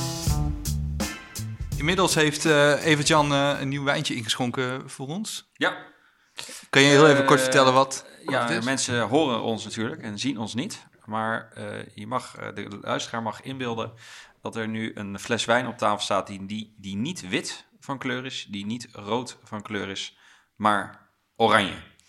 Ehm, en dat wordt in de volksmond Het is echt zo'n heel- 70s oranje kleur. Ja, echt. nou, het wordt in de volksmond ook oranje wijn genoemd. Eh, als je het hebt over eh, hip en dat het eh, upcoming is. Ja. Oranje wijn is echt upcoming. Ja, witte wijn met schilwerking. Eh, maar ook daar is het palet, waar we net ook hadden over smaakpalet. Met oranje wijn, dat kan echt bijna het hele alfabet zijn. Het kan A zijn, het kan Z zijn. Het, al, en alles ertussen. Ehm, Het leuke van deze, dit is een, een, Spanjaard, Rafa. En Rafa is een, als ik Arjen van Vlekwijnen moet geloven, eh sport niet helemaal in zijn bovenkamer. Eh, kan totaal geen bedrijf runnen. Maar hij kan één ding heel goed en dat is wijn Zou leuk vinden. En eh, ja, het is wel leuk. Rafa is moord in Spanje. Eh, je maakt super lekkere wijn. Eh, nee, hij maakt ook oprecht eh, hele bijzondere wijn. Want het grappige is, hij ehm, eh, verbouwt dit eh, tegen de Portugese grens aan. mhm. En ik weet niet of jullie er ooit wel eens geweest zijn, maar dat is echt door en door en doordroog. Oftewel iets wat, waar je weer denkt, Hoe verbouw je hoe dit? verbouw je dit? Ja. Nou, Rafa weet dus wel hoe je dit moet verbouwen. Ehm, en die maakt hier oranje wijn van. Ja, dit, dit is wat jij net zegt. Het is, het is gewoon lekker. Ja, Weet je, dit ja. is gewoon Maar best wel een beetje zuurig. Ja. Le- lekker zuurig. lekker zuurig. Ja. Maar wel dat je denkt van... als ik dit eh, op zondag of zaterdagmiddag om vier uur op het terras opentrekt... dan gaat die fles leeg. Ja, Ja. Ehm, maar het is grappig, omdat die oranje is, ga je er gelijk vanuit dat het, dat het zoetig is. Terwijl dat helemaal niet zo is. nou, en ook als je weet van welke druif het gemaakt is. Het is gemaakt van een Moscatel-druif. Moscatel worden algemeen, over het algemeen dessertwijnen van gemaakt. Dus inderdaad zoete wijn. ja, Moscato. Ja, mo- ja precies. Ja. Ehm, eh, nou, het grappige nog wel over, eh, ik zei net heel gekscherend van, hij weet niet hoe hij een bedrijf moet runnen. Eh, daar zit, We hebben het over de wijnmaker, daar- niet over Arjan. Hè? Nee, hoor, niet over Arjan. We hebben het over Rafa. Sorry Arjan. Eh, we hebben het over Rafa uit Spanje. Ehm, het grappige daarvan is dat hij daar wel een oplossing voor heeft eh, verzonnen. Je hebt in, eh, in, in oh, eigenlijk in heel veel landen heb je bedrijven die zeg maar, ehm, ja, hoe moet je dat eh, verwoorden?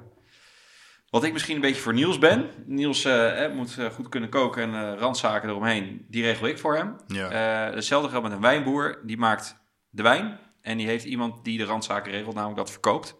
Ehm, en dat is dit, in dit geval is dat Bo- Bodega Finescens. En daar zitten dus meerdere wijnboeren zijn daarbij aangesloten. En eh, die vermarkten dus hun wijn als Bodega Finescens. En dan zit dus uiteindelijk, staat gewoon op het etiket dat het Rafa is. En dat eh, deze wijn eh Flor de la Mata heet. Ehm, eh, maar uiteindelijk zorgt Bodega Finescens ervoor dat uiteindelijk dus deze fles bij Vlekwijnen in Utrecht ligt. ja.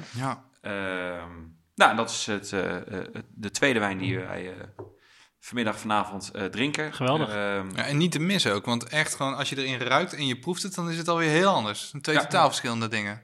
Moeilijk noem ik het altijd. Dat noem je moeilijk? Ik moet, noem het altijd moeilijk. Maar, ja? maar moeilijk. Hou je van wijnen ruikt- die wel corresponderen met geur en smaak? Eh, ja, als je ruikt, dan... De meeste mensen kunnen het onprettig ervaren. Dat, vooral wat oudere mensen of klassiekere mensen. Dit is niet wat je verwacht bij wijn als je ruikt. Nee, Nee, nee, een beetje niet. stallerig. Een beetje alsof je op de kinderboerderij staat. Ja, Eh, nou ja, ik, ik vind het helemaal geweldig. Maar, ja eh, best heftig. Ja. Zou ik bijna een soort van maar moesdrankje ja, kunnen we zitten natuurlijk in Maarsen, dus dan heb je wel vrij veel eh, vergrijzing in de buurt. Ja, dus die vinden dit wel heel erg spannend. Dus de, dit sferen deze wijn loopt niet zo. Eh, dit, ja, dit sferen wel echt bij mensen die... eh, Die het wel wel, kunnen eh, begrijpen ja, zoals jullie. en waarderen. Ja. Thanks man. Ja. Ja. daar ben ik ook wel blij om. Hey, we hebben veel te horen gekregen inderdaad over hoe, je, hoe jullie de voorkant eh, voor een normale sterveling eh, laten zien. Maar jullie runnen ook gewoon simpelweg een onderneming. En jullie zijn allebei vrij jonge kerels. Ik weet dat jij 25 bent, Evert-Jan, jij bent? Ik word eh 30. Je wordt 30. Jongens. ik mag zeggen jonge kerels. Ja. Mag ik, mag ik zelf zeggen? Ja, nou, nou dan jij ook. Nou, ik niet. Eh, maar vertel... eh Vertel, ouwe lul. Ja, ik word Dat heb je 37, alsof te leren. ik word 37 dit jaar. Dus eh, inderdaad. En daarom vond je het ook zo'n gekke wijn. Nu, Nee. nu spreek ik met u. Eh, nee, het is, ja, precies. Ik krijg normaal deze wijn niet voorgeschoten. Nee, nee. Nou, laat hem maar zitten. Ja. Nee, hoe de, hoe de, want dit is, dit is natuurlijk gekke tijd, la la la. Maar we hebben ook een onderneming die gerund moet worden. Simpelweg moet er ook gewoon geld worden verdiend. Hoe, Ja. hoe, hoe doe je dit? Hoe, hoe pak je zoiets aan? Wat, heb je daar een filosofie over? Of hoe? Nee, ik heb er geen filosofie bij. Ik heb er wel een programma bij die dat helpt. En dat heet Excel. en eh, uiteindelijk laat kolom N76 zien of het klopt of niet. Ja, Nee, heel schekscherend, weet je. Uiteindelijk kan je heel veel leuke ideeën hebben. eh, en eh, kan je nog zo leuk zijn en nog zo aardig gevonden worden. Eh, maar, wij werken- de plank. maar dan moet wel, eh, ja, je moet wel je boterham verdienen. Ja, En eh, wij werken dan voor een, eh, voor een familie, of, kan ook zien als een investeerder. Ja, die wil op een gegeven moment wel, zijn geld terugzien. nou ja, heel rendement zien. Wel Ja. zien dat het geld wat erin gestopt wordt, dat er wel, dat er wel geld verdiend wordt. En het hoeft niet, bij ons ligt dat dan misschien wel anders bij andere zaken. Het- meneer en mevrouw waar wij voor werken, die zijn al op respectieve leeftijd. Meneer is 80, mevrouw is 76. Dus die hebben hun sporen al, al wel verdiend. Ehm, eh, maar die gaat er voorna- hen gaat er voornamelijk om wat laat je zien. En eh, nou, die vinden het dus ook ja, heel mooi om te zien dat we juist iets neerzetten wat afwijkt van de standaard. Ja. Eh, en niet dat we het daardoor per se om doen, maar het is leuk meegenomen. Ze zijn zelf ook fan. Ze zijn zelf ook fan, absoluut. ook. Absoluut, Ja, dat absoluut. Eh, maar wij krijgen ook eh, wel eens een kritische noot van hen eh, terug. En eh, ja, ik vind dat alleen maar fijn, eh, omdat je ja, uiteindelijk door fouten te leren maken, leer je en word je, word je beter. Althans, dat is dan de bedoeling. Ja. Ehm, maar goed, uiteindelijk, terugkomen wat ik net wilde zeggen. eh, uiteindelijk moeten we wel dat, eh, dat celletje in Excel laten zien dat het eh, geld oplevert. Ja. En dat was, ehm, voor corona was dat eh, lastig. Eh, niet onmogelijk. Ik bedoel, er zijn ook gewoon maanden geweest waar we zwarte cijfers hebben gedraaid voor corona. Mhm. Ehm, maar wij zitten op een eh, beetje een moeilijke plek. We zitten in Maarsen. Nou, Niels stelde het al. Eh, het is geen hip jong Utrecht. Eh, En het contrast is best wel groot. het Want je, contrast is heel groot. je, Ja. je fietst dan langs de Ja. Kruidvat en de Griek. Ja, En dan, dan ben je Bam. er eigenlijk al. Dan ben je in één keer in Ja. een andere wereld. ja, ja. Het is, de eh, dorpstraat uit. ja. Ja, nee, het is Ja. letterlijk en figuurlijk de dorpstraat uit. eh, in, in Maarsdorp. Ehm ja, en dan, en dan ga je een terrein op achter een stenen muur. Dus Ja. weet je, het is ook niet dat je hier eh, eh, de oude gracht oploopt en Terras denkt, de eh, precies, terras om de hoek, eh, ik ga wat opzoeken. Nee, je moet echt van ons bestaan afweten. Dus eh, dat, zet, dat zet je zelf eigenlijk 10-0 achter. Ja. Want normaal gesproken, ja, lig je of in een wijk waar veel restaurantjes zijn, of je ligt op een plek waar, waar veel animo is en waar veel doorloop is. Ehm, maar als je dat niet hebt, ja, dan moet je het van andere dingen hebben. En dan is het belangrijkste dat eh, Niels goed kookt. Eh, en dat de eh, sommelier eh, in kwestie goede wijnen serveert. En, en, en dat mensen een leuke avond hebben. Nou, dan hebben wij als voordeel dat we een, een uniek gebouw, in een uniek gebouw zitten met een uniek verhaal. Dat vertellen, letterlijk en figuurlijk. Mhm. Ehm, ja, en dan hoop je dat mensen het gaan Ja, precies. Vertellen. want hoe richt je je dan op zichtbaarheid? Ehm, online. Daar kom je Ja. tegenwoordig, eh, ontkom je niet meer aan. Noem eens iets, want het gaat verder dan Instagram en social. Nou, de, eh, het gaat inderdaad verder dan alleen social media. Heel veel Ja. mensen zeggen, oh, je moet eh, een goede Instagram-pagina hebben en Facebook, et cetera. Nee. nee. Eh, heel belangrijk, zeker voor de jongere doelgroep, is, bijvoorbeeld socia- is social media natuurlijk belangrijk. En dan met name denk ik voor de horeca wel Instagram. Ja. Nou, je kan de, de, de, de, van Instagram eh, slingeren om je oren van... Het plaatje moet Instagrammable zijn, eh et cetera, et cetera. Dus eh, je look en feel moet wel helder zijn. Dat mensen, als ze op je pagina komen of ze zien je story, dat ze weten... Oké, Ja. ik krijg hier een bepaald gevoel bij. Eh, Ja. Maar uiteindelijk, ja, eh, ook als ik voor mezelf kijk hoe ik restaurantjes in het buitenland opzoek... is uiteindelijk gewoon via de zoekmachine. Ja. En dat is Google. Eh, en daar moet je website wel op ingericht zijn. Dus eh, ja, SEO is heel belangrijk. Maar ik Ja, dacht dat je ook eh, ging zeggen Google recensies van Ook, gebruikers. Ja. ook eh, reviews, mega belangrijk. Ja, maar die heb je Eh, niet in de hand. Dat lijkt me ook wel eng. Jullie maken Nee. mooie foto's, zet het op Instagram. Ja. Iemand komt eten, die flitst een keer op zo'n bord, Ja. gooit het op Google. Ja. Ja, het is wel heel eerlijk, maar ik weet niet of je daar altijd blij mee bent. nee, je bent er niet altijd blij mee. Maar soms helpt het je wel. Ja. Wij krijgen gelukkig een hele hoop positieve reacties eh, van eh, mensen die eh, zeggen: Ja, volgende week zit ik met mijn buren hier. Of nou, van, de, van het weekend hadden we een gast die eh, ons menu had besteld. En die zei: van, Ik vond het zo bijzonder. Wij zitten erna na te denken om te trouwen. En we zitten erover na te denken om het uit te stellen na corona, zodat we bij jullie kunnen eten. Ja, Oh, ja, Nou, ja. Weet je, dat zijn echt dat je denkt: Wauw, Dat is een heel, heel... Ja. heel bijzonder. Ja. Maar je krijgt soms ook reacties dat mensen eh, het, het niks vinden. En ehm, Wat doe je daarmee? dat- ja, dat zijn voor mij hele belangrijke eh, recensies. En meestal neem ik altijd wel even contact op met Mhm. mensen. En dat vinden mensen heel gek. Ja, die schrikken zich me dood. echt Ja. altijd over. Dat ik denk van Waar ja, woon jij? je, je schrijft een mindere recensie. Dus dank al één voordat je, dat je Ja. de moeite neemt om je gevoel op te schrijven. Ja.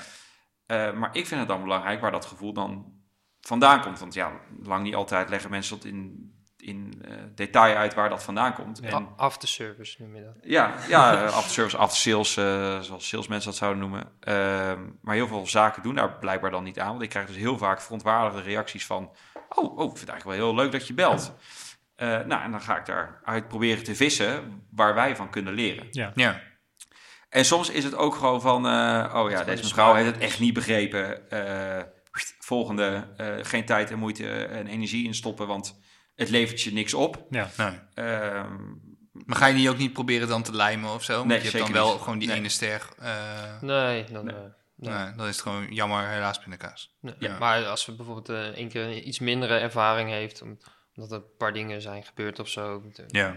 eh, ja, die proberen we dan wel juist zeker. weer aan de goede kant. eh Ja. dat, eh, was ooit één iemand die had, nou ja, die vond eh, er was wat gebeurd en waar ze, ze nou, niet zo fijn aan tafel zat, et cetera. En die had gewoon een mindere avond. Niet zozeer dat het door ons kwam, of misschien ook wel. maar die hebben uiteindelijk, ehm, die zei van, ja, kom hier nooit meer, et cetera. Terwijl wij gewoon, ja, gewoon ons ding best deden. Ja. En eh, dus die hebben ook gewoon contact opgezocht en opnieuw de ervaring laten beleven hoe, ja, wat voor haar dus nog prettiger. eh Maar zij, zij zijn gewoon nog een keer... ze zijn teruggekomen ja. en zijn nu eh, vaste. Kijk, dus kijk, en dat, dat soort dingen kan je eruit halen. Ja, En ik snap wel dat je ja. belt dan.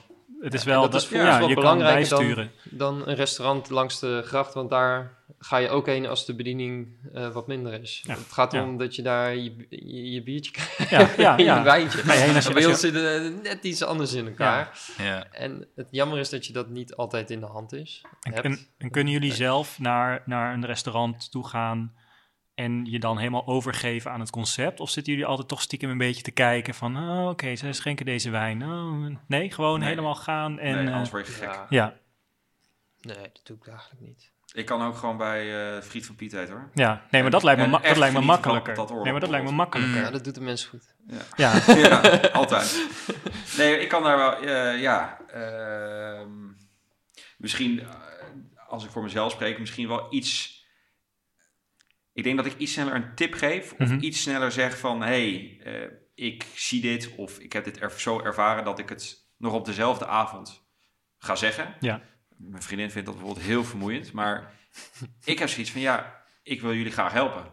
Ja. En eh, juist doordat ik het op de avond zelf zeg, weet ik van mezelf dat ik het 100% goed zeg. Ja. En als je er weer een nachtje over hebt geslapen, dan zijn toch weer misschien bepaalde details zijn weggevallen, waardoor je het verhaal weer net niet helemaal goed vertelt. Ja. Ehm, en je wilt niet dat eh, eh, het restaurant dan in kwestie eh, door jouw mening opeens andere dingen gaat doen. Nee, dus ik denk op de avond zelf kan ik vertellen wat ik heb ervaren. En dan moeten ze zelf doen wat ze, wat, wat, Maar je wat zegt, ze mee willen. je zegt expliciet van mijn vriendin heeft daar een hekel aan. Is dat het moment dat ze zeggen van je bord uitnemen en zeggen heeft het gesmaakt? Nee, nee, nee, nee, nee. Dus echt, he- ik bewaar dat altijd aan het eind van de avond. Als ja. ik heb, meestal doe ik het bij het afrekenen. Ja. Dan wordt- Mag ik jou heel even? ik wil nog even 30 euro korting. Nee, helemaal niet. Eh, Loop je even mee naar achter? Ja.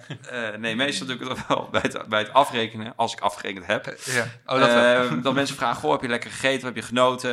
Eh, sommige restaurants vragen, Nou. heb, heb je nog tips? en dan is het, nou, inderdaad. Ja. Eh, nee, ja, dan zeg ik, goh, nee, ik zeg, super lekker gegeten. Ik zeg, maar Wat vond je er zelf van? Ja. Ik heb een, ik heb een aantal dingen die ik, eh, nou, dan zeg ik, goh, joh, eh, woon in Nederland, bla bla.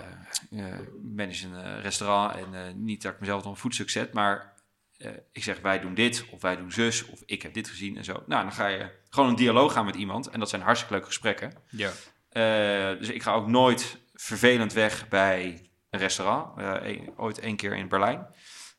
Die, Die luistert toch niet? Nee. nee, nee, die luistert toch niet. Nee, dat was eh, wel qua ervaring wel een heel bijzonder restaurant. Daar had je om de keuken heen. Mhm. Dus daar had je in een hele grote U. Eh, had toevallig een ster. eh, maar ik ging daar echt heen voor de ervaring om, om die keuken heen te eten en te zien, te voelen wat dat doet met bediening en, en, en Ja. met, eh, met een keukenteam. En ehm, ik had gezegd van, joh, doe een drankarrangement erbij, zus en zo. En die vent heeft me vervolgens allemaal dranken ingeschonken. Misschien was ik er zelf ook een beetje debet aan, maar ik kreeg volgens de rekening voor me snufferd. En toen, Schok je kapot. ja, toen was mijn halve eh, ribbenkast was weg. Was weg. En, en een nier. Ja. En daar heb ik toen wel wat van gezegd. Ja. Van, ja, luister, zo, eh, zo kan ik ook geld verdienen. Nou ja. En eh, nou ja, dat, dat kwam er niet in. Nee. dus eh, als mensen ooit afvragen, eh, wil je eten bij Noet- Noetmek und Schmutzig in Berlijn? Ga er niet heen. Nee, niet doen. Nee. Tenzij je heel veel geld hebt geërfd van je oma. Maar... Ja, nou ja. Kan je eh, leukere dingen doen. Maar de ervaring Ja. was wel weer heel eh, gaaf. Ja. Dus een beetje dubbel.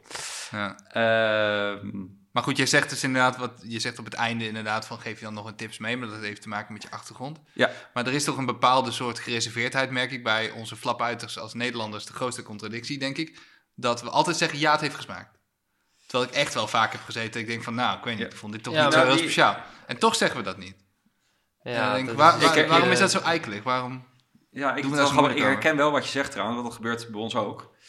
Ehm, Je daar ziet ben ik dan- alles dat die persoon dan denkt, ja, right. Uh-huh. Nou, Nee, ik- die ik- mensen leggen hun ziel en hun, hun passie, Ja. tenminste vooral in eh, het hoge segment. Dus dan ga je dat niet zo snel zeggen. Ja, en de vraag waar ben je op uit? Dus het moment dat je al Ja. alles hebt opgefroten en opgedronken en je zegt dat het niet lekker is, ja. Ja, maar dan- oké, misschien was Ja. dat het. Maar als je zegt, ik weet niet, ik vond dit bijvoorbeeld, nou ja, je kunt het, je kunt het subtieler brengen. Ik vond iets te zout. Snap je? Ja. Daar, daar kun je wat mee. Maar Kijk, zou niet dat- lekker is wel heel relatief We zouden natuurlijk. echt naar één hap moeten, moeten doen. Ja, Ja. Ja. eh, Dat gebeurt, er- dat gebeurt ook wel eens. Ja, dingen die Ja. teruggestuurd worden. Ja. Ja. hoor. Ja. Er zijn wel eens eh, mensen die zeggen, van, ik vind het echt niet te eten. Ja. En doe je dat dan ook bijvoorbeeld wel eens met, met, wijn? Want dat lijkt me dan bijvoorbeeld ook wel eens joh, moeilijk. Ik wil Oh, niet ja. weten. Ja, want maar dat, dus dat vind ik misschien nog wel de allermoeilijkste. Een fles wijn bestellen en dan Ja. zeggen, Ja, nee, en dan toch maar met moeite opdrinken. Nee, ja, dus meer omdat ik het dan zonde vind van de wijn. Ja, ja. Van- Dus jij stuurt uh, Zo wijn wie terug. gaat dit dan opdrinken? Ja. Nee, nee ik, zou, ik, stuur, ik zou het nooit zo snel... Tenminste, ik heb het niet zo vaak meegemaakt. Maar Nooit bij ons eigenlijk. gebeurt het hoor, kan ik je vertellen. En dan staat er een fles wijn thuis open en, eh, en die wacht je dan, eh, die gaat in de avond dan op of zo een keer. Of hoe doe je dat? Nou ja, kijk, er zijn wel eens eh, eh, bij ons à la carte wijnen die besteld worden. Dan eh, drinken mensen, of proeven ze het en dan vinden ze het niks. En dan zeggen ze, nee, dat wil, dat wil ik niet. Ja, dan gaat hij bij ons terug de, de koeling in. Ja. Totdat iemand hem wel weer bestelt. Ja, moet Of- ook kunnen, vind ik wel. Ja, moet ook kunnen. Dat- ja toch? Ja, je, dat is ook. eh, het zou heel gek zijn als. eh, want dat betekent eigenlijk dat je geen mening mag hebben. Ja, Want dan moet alles lekker zijn. En alles wat open gaat, dat, dat moet er maar opgedronken worden. Ja, maar het is een soort wisselwerking tussen klant is koning en jullie zijn bij ons te gast en dit is ons concept. Dus dat is dan een soort Ja. gevecht die je dan elke keer Ja. moet leveren. Ja, dat is, dat, dat is soms een dun lijntje. Ja, En, eh, zou je dat moeten benoemen, bijna? Van, hey, ga niet te moeilijk doen over iets opeten of iets opdrinken wat je misschien ja maar heel da- lekker ik denk dat je daarom komt bij wat elke horeca-onderneming nu zegt. Bent u bekend met het concept? Ja. Dan eh, weten mensen, oh ja, het concept. En dan, Eh, eh, opeten, toch? Ja, ja. ja, Ja, ja, opeten en eh, rondes. betalen. Ja, Nou, vijf rondes ja, kan het? ja. Ja, en dan betalen, toch? Wat ik zelf altijd leuk vind aan En u bekend- weet hoe het werkt met de tablet? Ja. ja, ja, ja. ja. En het leuke is, de, de band die bekend met ons concept vraagt altijd hetzelfde concept, namelijk altijd shared dining. Shared dus dining. nooit an- een ander concept. Ja. Dus eh, als Nee, nou maar- je dit Het, concept. Maar- het is wel belangrijk dat je van tevoren al vertelt van wat we doen. Ja, Eh, we schenken dit, we schenken dat. Dus ja, je kan, je, kan, eh, je kan geen klassieke wijnen bij ons op de kaart vinden. nee. Dus daar moet je dan al een beetje rekening mee houden. Dus dan, ja, dat is al een andere, ja, een andere insteek dat je erin gaat, denk ik. Ja. Het enige wat, wat, wat ik nog wel, eh Michiel noemde, het nog wel, waar, waar ik wel echt een gruw- gruwelijke hekel aan heb, is, eh, ik heb dat zelf nooit echt meegemaakt, maar dat hoor ik dan wel gewoon terug van, van personeel, is, soms krijg ik dan 's ochtends een review in de mailbox, Ja. en dat is een drie of een vier. Ja. En dan denk ik, oh, oh, daar is niet, iets niet goed gegaan. Nou, en dan bespreek ik dat 's middags van, joh, deze gast die eh, gaf een drie of een vier. En ik krijg dan gewoon 9 van de 10 keer krijg ik terug. Huh? Oh, bij het afrekenen zeiden ze dat ze het echt super lekker vonden. Ja. en, Ja. en, dat, dat bedoel ik. en met Ja. dat soort dingen, daar, daar heb ik wel heel erg moeite mee. Want dat is gewoon echt letterlijk iemand gewoon een, een trap nageven. Eh, Ja. onder de gordel. Ja. En dan denk ik wel van ja, zeg nou gewoon op de avond dat het, dat het niet lekker was of dat het niet goed is. maar dat doet niemand. ja, maar je geeft nu wel een heel goed signaal eigenlijk door te zeggen, praat erover. Ja, En Ja. er zijn mogelijkheden en je hoeft je niet te conformeren aan dat wat je krijgt.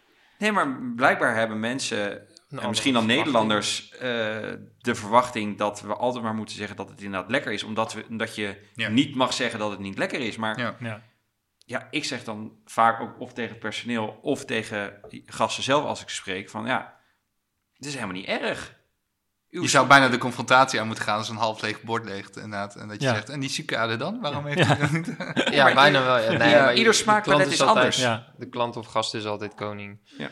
En eh, als je iets niet lekker vindt, ja, dan proberen we alles eraan te doen om, om toch wel een leuke avond voor die mensen te hebben. In de zin van, Ja. mijn eten is misschien wel, een- ja, een- er moet, je wel iets ja, bijzonder, laat ik het anders, zo zeggen. Anders dan mensen gewend zijn. En ja, daar moet je wel voor openstaan. En als er dan zo'n iemand komt die daar dus ja, gewoon een steak met friet gewend is.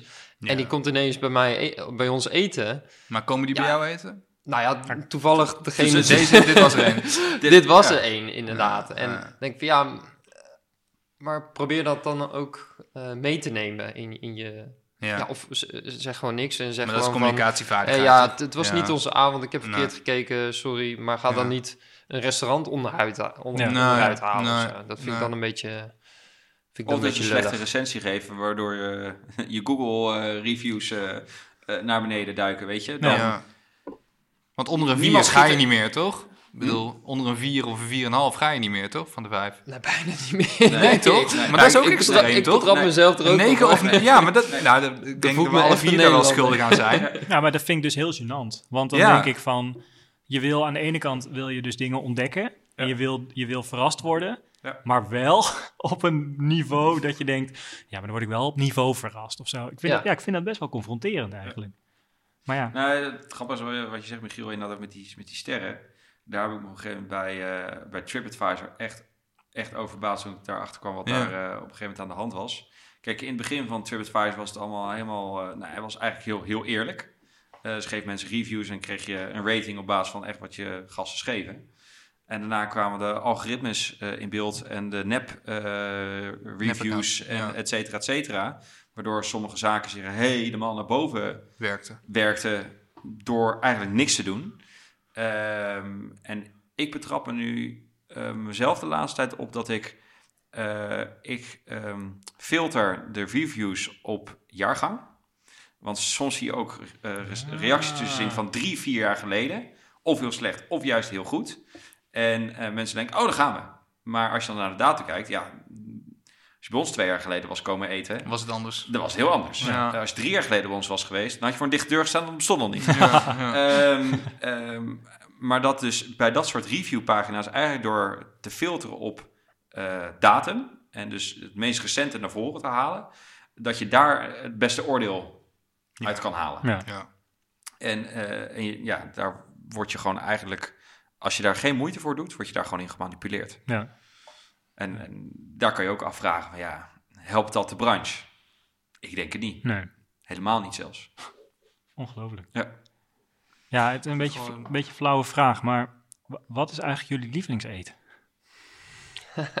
Nee, dit is de, de leukste Ja, vraag vanavond. Ja, nou, ik, ik, ik heb niet je hebt 10 lievelings- euro vanavond. Ja, Wat ga je doen?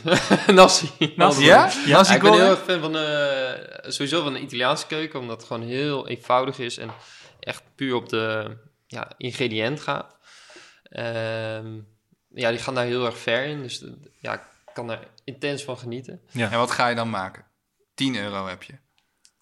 Als ik 10 Vanavond, euro eh, ga je ik voor 10 heel euro. veel maken. Ja, daar ben ik al bang voor. Maar het eerste top of mind was net al nazi, maar nu zit je op de Italiaanse hoek. Dus Oh, als ik het zelf ga maken, Ja. Je hebt waarschijnlijk een hele goede moestuin, dus dan gaat het ook allemaal zo... ja, eh, ja inderdaad. Eh, ja, het is maar waar ik zin in heb dan. Nou ja. ja, ik, nee, ik zou nu niet eventjes iets eh, hebben waar ik er nu heel veel zin in heb. Nee. Maar ik vind de Indonesische keuken hou ik heel erg van, omdat gewoon ja, er zoveel smaak in zit. En ja, ik vind het ook gewoon gezellig als er rijsttafel is. Gewoon Absoluut, veel dingetjes. eh Haal je daar inspiratie uit? eh, nee, Dat niet. nee. Ik kan me voorstellen dat wanneer je echt Italiaans, dat wanneer het heel erg om het ingrediënt gaat, dan mag ik dat wel voorzichtig herkennen, ook in je eigen werk, toch? Ja, ja, dat wel. Dat wel. Ja. Ook al pas je dat op een andere manier toe. Ja, inderdaad. Nee, de Indonesische keuken is gewoon, eh, omdat ik het gewoon ja, lekker vind. Ja. Ja, niet was- dat ik andere, eh, andere dingen niet lekker vind. Maar bijvoorbeeld Franse keuken ben ik dan wat minder van. Nou, ik ben niet zo van de zware sauzen, van de zware s- grote stukken Grote vlees. stukken ja, vlees, ik ja. ben maar tenger jochie eh, van 1 meter. niet voor jou bestellen. is niet voor Dat mij is drie dagen boeren voor jou. en ik ben, ik word ook intens gelukkig van heel goed eh, zuivel. Eh, dus goede burrata of goede mozzarella, goede kazen, dat vind Ah, ik ja. echt, ja, kan ik er intens van genieten. Alleen, ik ben zelf lactose intolerant. Oh, ja, Omdat ik heel veel waarschijnlijk zuivel vroeger heb gegeten. Ik weet niet hoe het werkt, maar want jullie ik eet het nog steeds een soort, soort room. Ik vond het echt geweldig. Eh, Wat burrata. nee, Nee. eh, Oh, De Ja, room. ja. Ja, bij Maar- het brood. Maar wat was dat ook alweer? Een soort, soort bijproduct van Ja, slagroom dat of is? Nee? eh, als de koe gemolken wordt. Ja, dit verhaal doe ik al. Ja, Nu gaat er een bandje af, Oh, ja. dames en heren. Ja, kijk, vet is natuurlijk lichter dan eh, de melk. Dus dat, er gaat een bepaalde vetlaag aan de bovenkant van de melk drijven. En dat halen ze er vanaf. Eh, en dat, ja, dat slaan wij dus op. Dus want normaal is dat eigenlijk echt een, echt een restproduct. Of, Weet ik eigenlijk niet. Maar ehm, er zit niet- heel veel vet in. Dus het is, ja, ik denk 60% vet en de rest eh, ja. melk. Dus het is een hele, ja, eh, hele vette room eigenlijk. En die slaan we op. En dat kan je dan over je brood heen smeren. ja, ik vond het echt, ik dacht, ik wilde het echt in, in, in bakken in de koelkast hebben. Ik vond Ja, het geweldig. De, de crux ligt dan eigenlijk, wat, wat eh, Niels eigenlijk vergeten te vertellen, is op het moment dat er die roomlaag van de melk wordt afgeschept, dan wordt die, eh, wat je dan in je, in je bakje of waar je het dan ook in hebt zitten, dat wordt twee dagen op kamertemperatuur lichtjes aangezuurd. Eigenlijk gewoon simpelweg door niks te doen. Gewoon te wachten tot het een beetje gaat borrelen. Ja, en dan tikken de jongens het op en doen ze er alleen een snuf zout bij.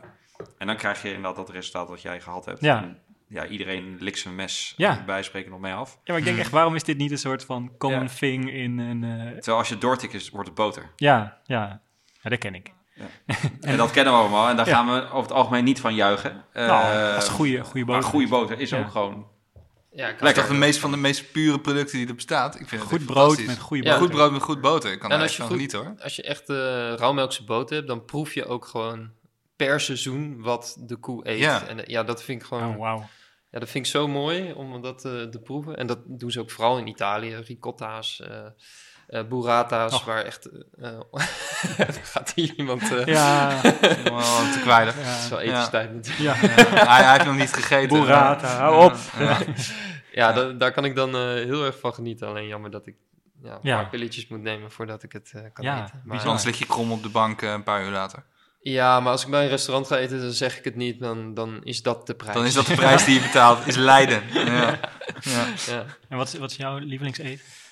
Ja, ik ben eh, dat betreft alweer ook een beetje tegenovergestelde van Niels. Eh, mij kan je echt eh, s s'nachts wakker maken met eh, een barbecue waar eh, een dikke kote buff op ligt. Kijk, Nou ja.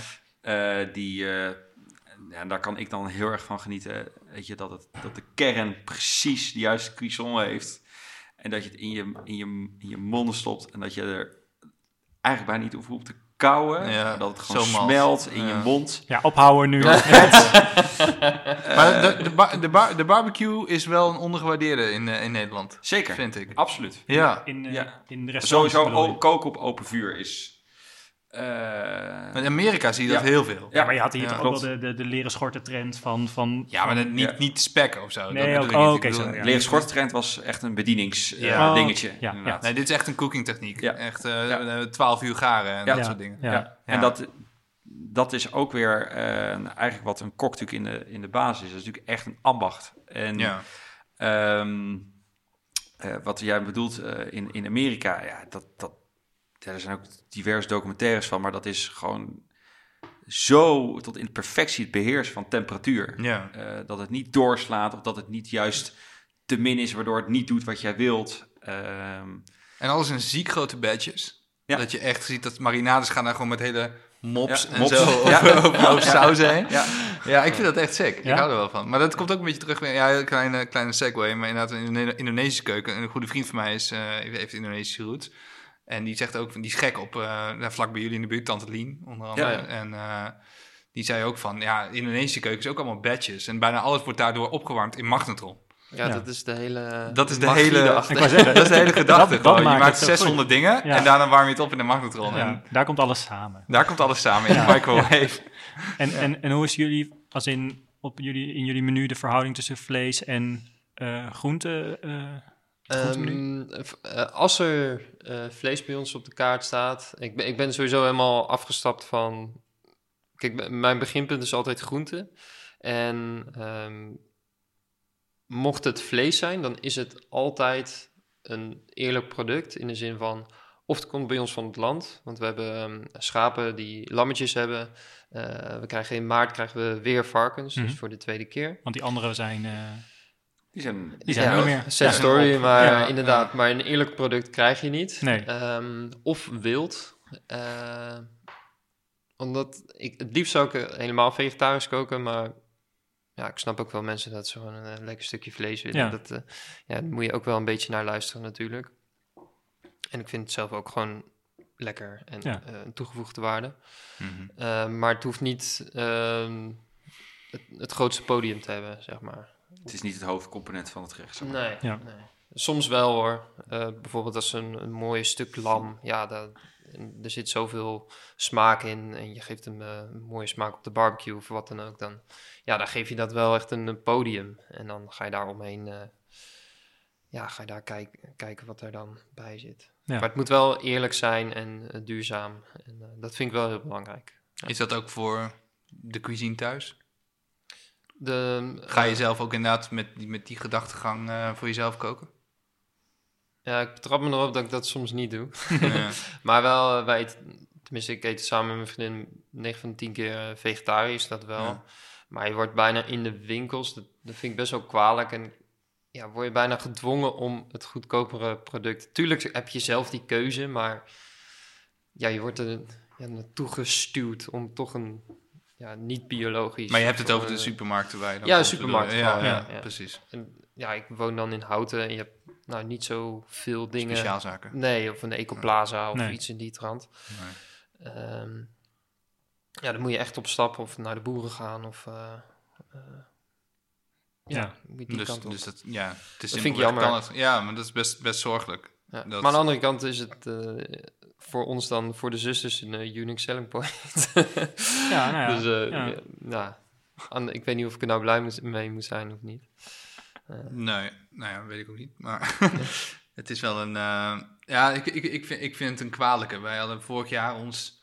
ehm, nou ja, wij, ik, ik woon al echt al een x aantal jaren in, eh, in, in, in de Randstad, een jaar of 10, 12 al bijna. En als je hier gewoon in de supermarkt gaat, dan zijn de biologische en de vegetarische ehm, aanbod bij de supermarkt super hoog. En wij hadden vorig jaar ons huis laten verbouwen en toen zijn we naar een klein dorpje gegaan in de buurt bij, eh, bij Huizen. Ehm, en toen wilden we eigenlijk een beetje op diezelfde voet doorgaan. Eh, we hadden daar een huisje gehuurd in verband met de verbouwing en dan konden we daar gewoon even een tijdje wonen. En dat het vegetarischap gewoon letterlijk twee, twee dingetjes be- bevatte. Echt letterlijk twee bakjes kipfilet. en eh, misschien drie vegetarische burgers. En voor de rest was het echt 95% was allemaal in dat bio-industrie. Maar Ni- Niels gaat je leren dat je heel veel met een prei kan. Hè? Dus Ja, ja. Ja. Nou, dat is al heel cool. Ja, maar, maar- je merkt al inderdaad van dat de verhouding van de normale stervende Nederlander, die zit dus gewoon totaal uit verband ten opzichte van wat er hier gebeurt. ja. Dat vind ik ook kwalijk. Nou, de, terugkomen op zo'n prei. Eh, kijk, als je een, een je wil zo, een, een groenteleverancier of een, eh, een boer wil zo snel mogelijk een hele grote prei met heel veel rendement zo snel mogelijk verkopen, Ja. zodat ze weer opnieuw. Maar hoe meer je tijd besteedt aan een prei of hoe harder een prei moet werken, hoe meer smaak eraan gaat komen. ja. Eh, hetzelfde met eh, wijnen. Als je een droge ondergrond hebt, zoals met deze, dan moet een, ja, moet een druif echt heel hard werken om eh, ja, iets te worden. Ja. of om te overleven, laat ik het zo Maar is dat dan in deze tijd nog rendabel? Nee, dat, tenminste, dat moet rendabel worden. Of, eh, ehm, Ja, dat begrijp ik. Tenminste, ik, ik wilde een, wel een prijs. de chain, hè? Het, het is een kostbaar product in plaats van dat het een duur product is. En daar Ja. zit een... een eh, Groot wezenlijk verschil hoor. Ja, en ik, ik wil best eh 2 euro per kilo meer betalen voor een beter product dan ja, een iets minder product. ja. En dat, nou ja, dat kunnen we prima incalculeren. Maar neem het, neem het grootste voorbeeld, denk ik, misschien is dan, is dan in dit geval vlees. Biologisch en niet biologisch en de prijsverschillen gigantisch. Ja. Hoe zou, je, hoe zou je in jouw optiek zoiets oplossen? Zou je zeggen van, maak vlees algemeen helemaal duurder? Of maak het, de verschillen, Eh, niet, maak de verschillen niet zo groot? Nee, ik- Of- eh, misschien accijns, eh, iets in die trant. Ehm, ik zou zo, als ik je- als consument zijn, dan zou ik altijd kijken waar komt het vandaan. Eh, v- voornamelijk Nederlands vlees is wel redelijk duurzaam in vergelijking met eh, buitenlandse ja, vlees. Zuid-Europees. maar die, die zie je niet in de supermarkten. Het meeste varkensvlees wat, eh, ja, wat wij produceren gaat gewoon naar Engeland. Nee, v- 85% export Ja, ik. Ja, dat Ja. is echt eh, bizar. Dat is extreem. En als je ook bij Albert Heijn kijkt, inderdaad, dan een beetje de exclusieve dingetjes, die, eh, die, eh, die komen allemaal inderdaad uit Spanje of, eh, Ja. of nog zuidelijker. Maar die, Ja. ja. ik voel me Dat wel... heeft allemaal te maken natuurlijk met hoe onze economie is ingericht. Ja, Onze economie is natuurlijk gestuurd op export. ja Eh, Dus precies. ja, eh, gaan we opeens al onze export zelf gebruiken, dan blijft er vrij weinig. eh nou ja, dat is al niet natuurlijk. De voedselindustrie is natuurlijk niet de gehele economie, maar voor Nederland natuurlijk wel een, een hele belangrijke. Kijk hè, naar onze hele agricultuur met. eh, ja. nou, noem de tomaten, komkommer, alle telers, noem de bloemen, noem de hele rambam maar op. Ja, dat gaat allemaal, allemaal naar het buitenland. Ja. Dat we daar ons geld mee verdienen. Ja. En ik Ja, voel me wel verantwoordelijk voor. Of ik denk dat we allemaal wel in een generatie zitten wat, dat we ons verantwoordelijk voelen voor. Of het gevoel. Of, ja, Antiglobalisme. ja, we, ja, we worden verantwoordelijk voor wat wij qua duurzaamheid eh, doen. En ik denk dat dat ook weer een beweging wordt naar straks onze kinderen of onze kinderen. Ja. Ehm, ja, ik voel me heel erg verantwoordelijk voor, omdat ik ook een groot bereik heb. Ik heb op social media gewoon veel mensen die mij volgen. Ik heb met heel veel mensen die bij ons komen eten.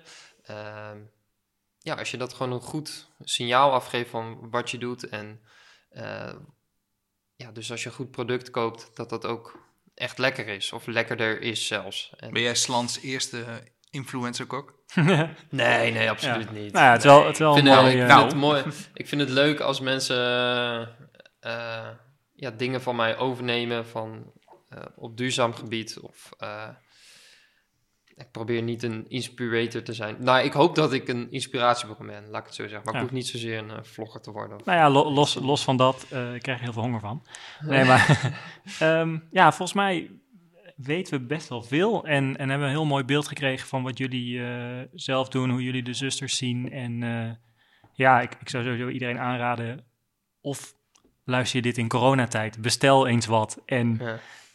ben je er vanaf, good for you. En ga eens langs bij de zusters. Beide Eh, mag ook trouwens. Beide mag ook, zeker. Het een sluit het ander niet uit. En ehm, ja, we, we, we sluiten eigenlijk altijd de podcast af met één vraag van ja, wie, wie mag volgens jullie de volgende gast zijn eh, in Wijntje Met? Eh, hebben jullie hier nog over nagedacht? Nou, Even Jan had een hele Ja, goede. ik had eh, jouw vraag voorbij zien komen en ik vind het wel leuk om andere mensen aan te dragen. Eh, ja, wat mij betreft mag de volgende gast voor jullie zijn eh, Julia Blauw. Ja. Dat is een eh, Utrechtse eh, kunstenaresse. Ehm, is een oud eh, stagiair voor mij geweest bij mijn eerste werkgever. Ehm, zij deed grafisch design. Ehm, en het grappige is dat zij, zij is ooit begonnen op de hotelschool. Daar ken ik er ook wel van. En daarna is ze grafisch design gaan doen. En zodoende kwam ze ook als stagiair bij mij terecht toen ik nog bij een evenementenbureau werkte. En zij ehm, ja, deed eigenlijk al in haar eh, eh, eigen tijd, maakte zij eh, kunst met, eh, met Illustrator. Mhm. Ehm, ehm, en maakte ze eigenlijk eh, een, een lijnenspel van een foto eh, die je opstuurde. Eh, die dan ook wel deels soms werd ingekleurd en soms weer niet. Ik heb wel eens ooit een, eh, een, een, een maat van mij, een vriend van mij, en ook oud, oud huisgenoot, eh, heb ik ons oude studentenhuis op de plaat genomen. En tegen Julia gezegd van, joh, ga, maak hier jouw Maak er wat van. maak er wat van. Dan Ja. maak jou hier jouw, jouw, jouw kunstwerk van. En ja, je ziet gewoon jouw huis op een hele kunstzinnige manier. eh, ja, op een, op, op een canvasdoek. Ja, Eh, leuk. Heel, eh, heel vet. Ja. En ja, ik vind dat zij, als je hier een beetje, ja, omgeving Utrecht, als je nou hebt over jonge, creatieve, inspiratievolle kunstenaars, dan, ja, dan moet ik ook wel aan haar denken. Nou, we- we- we- deze komt op de lijst, dankjewel. Ja, Ja, Noted. ja. Zeker. Hey, eh, ja, Ik weet nou ook dat ik niet mag klinken. Wij deden altijd op het einde van de Ja, podcast klinken, proosten. maar we, houden- we heffen nu gewoon het glas. Ja, Oké, nu gewoon het ja, glas hè, dat is veel chiquer. ja. Je kijkt elkaar aan. Dankjewel. Ja. Precies. Ja, Hey, jullie eh, bedankt, Huis. dit was eh, Wijntje Met. Bedankt voor het luisteren. Eh, jongens, bedankt dat jullie te gast wilden zijn. Ja, Eh, ja, volgens mij kunnen we dan klinken op een mooi gesprek. Ja. En eh, op naar de volgende. ja. Thanks, guys. Dankjewel. Bedankt. Doei. Oké, doei.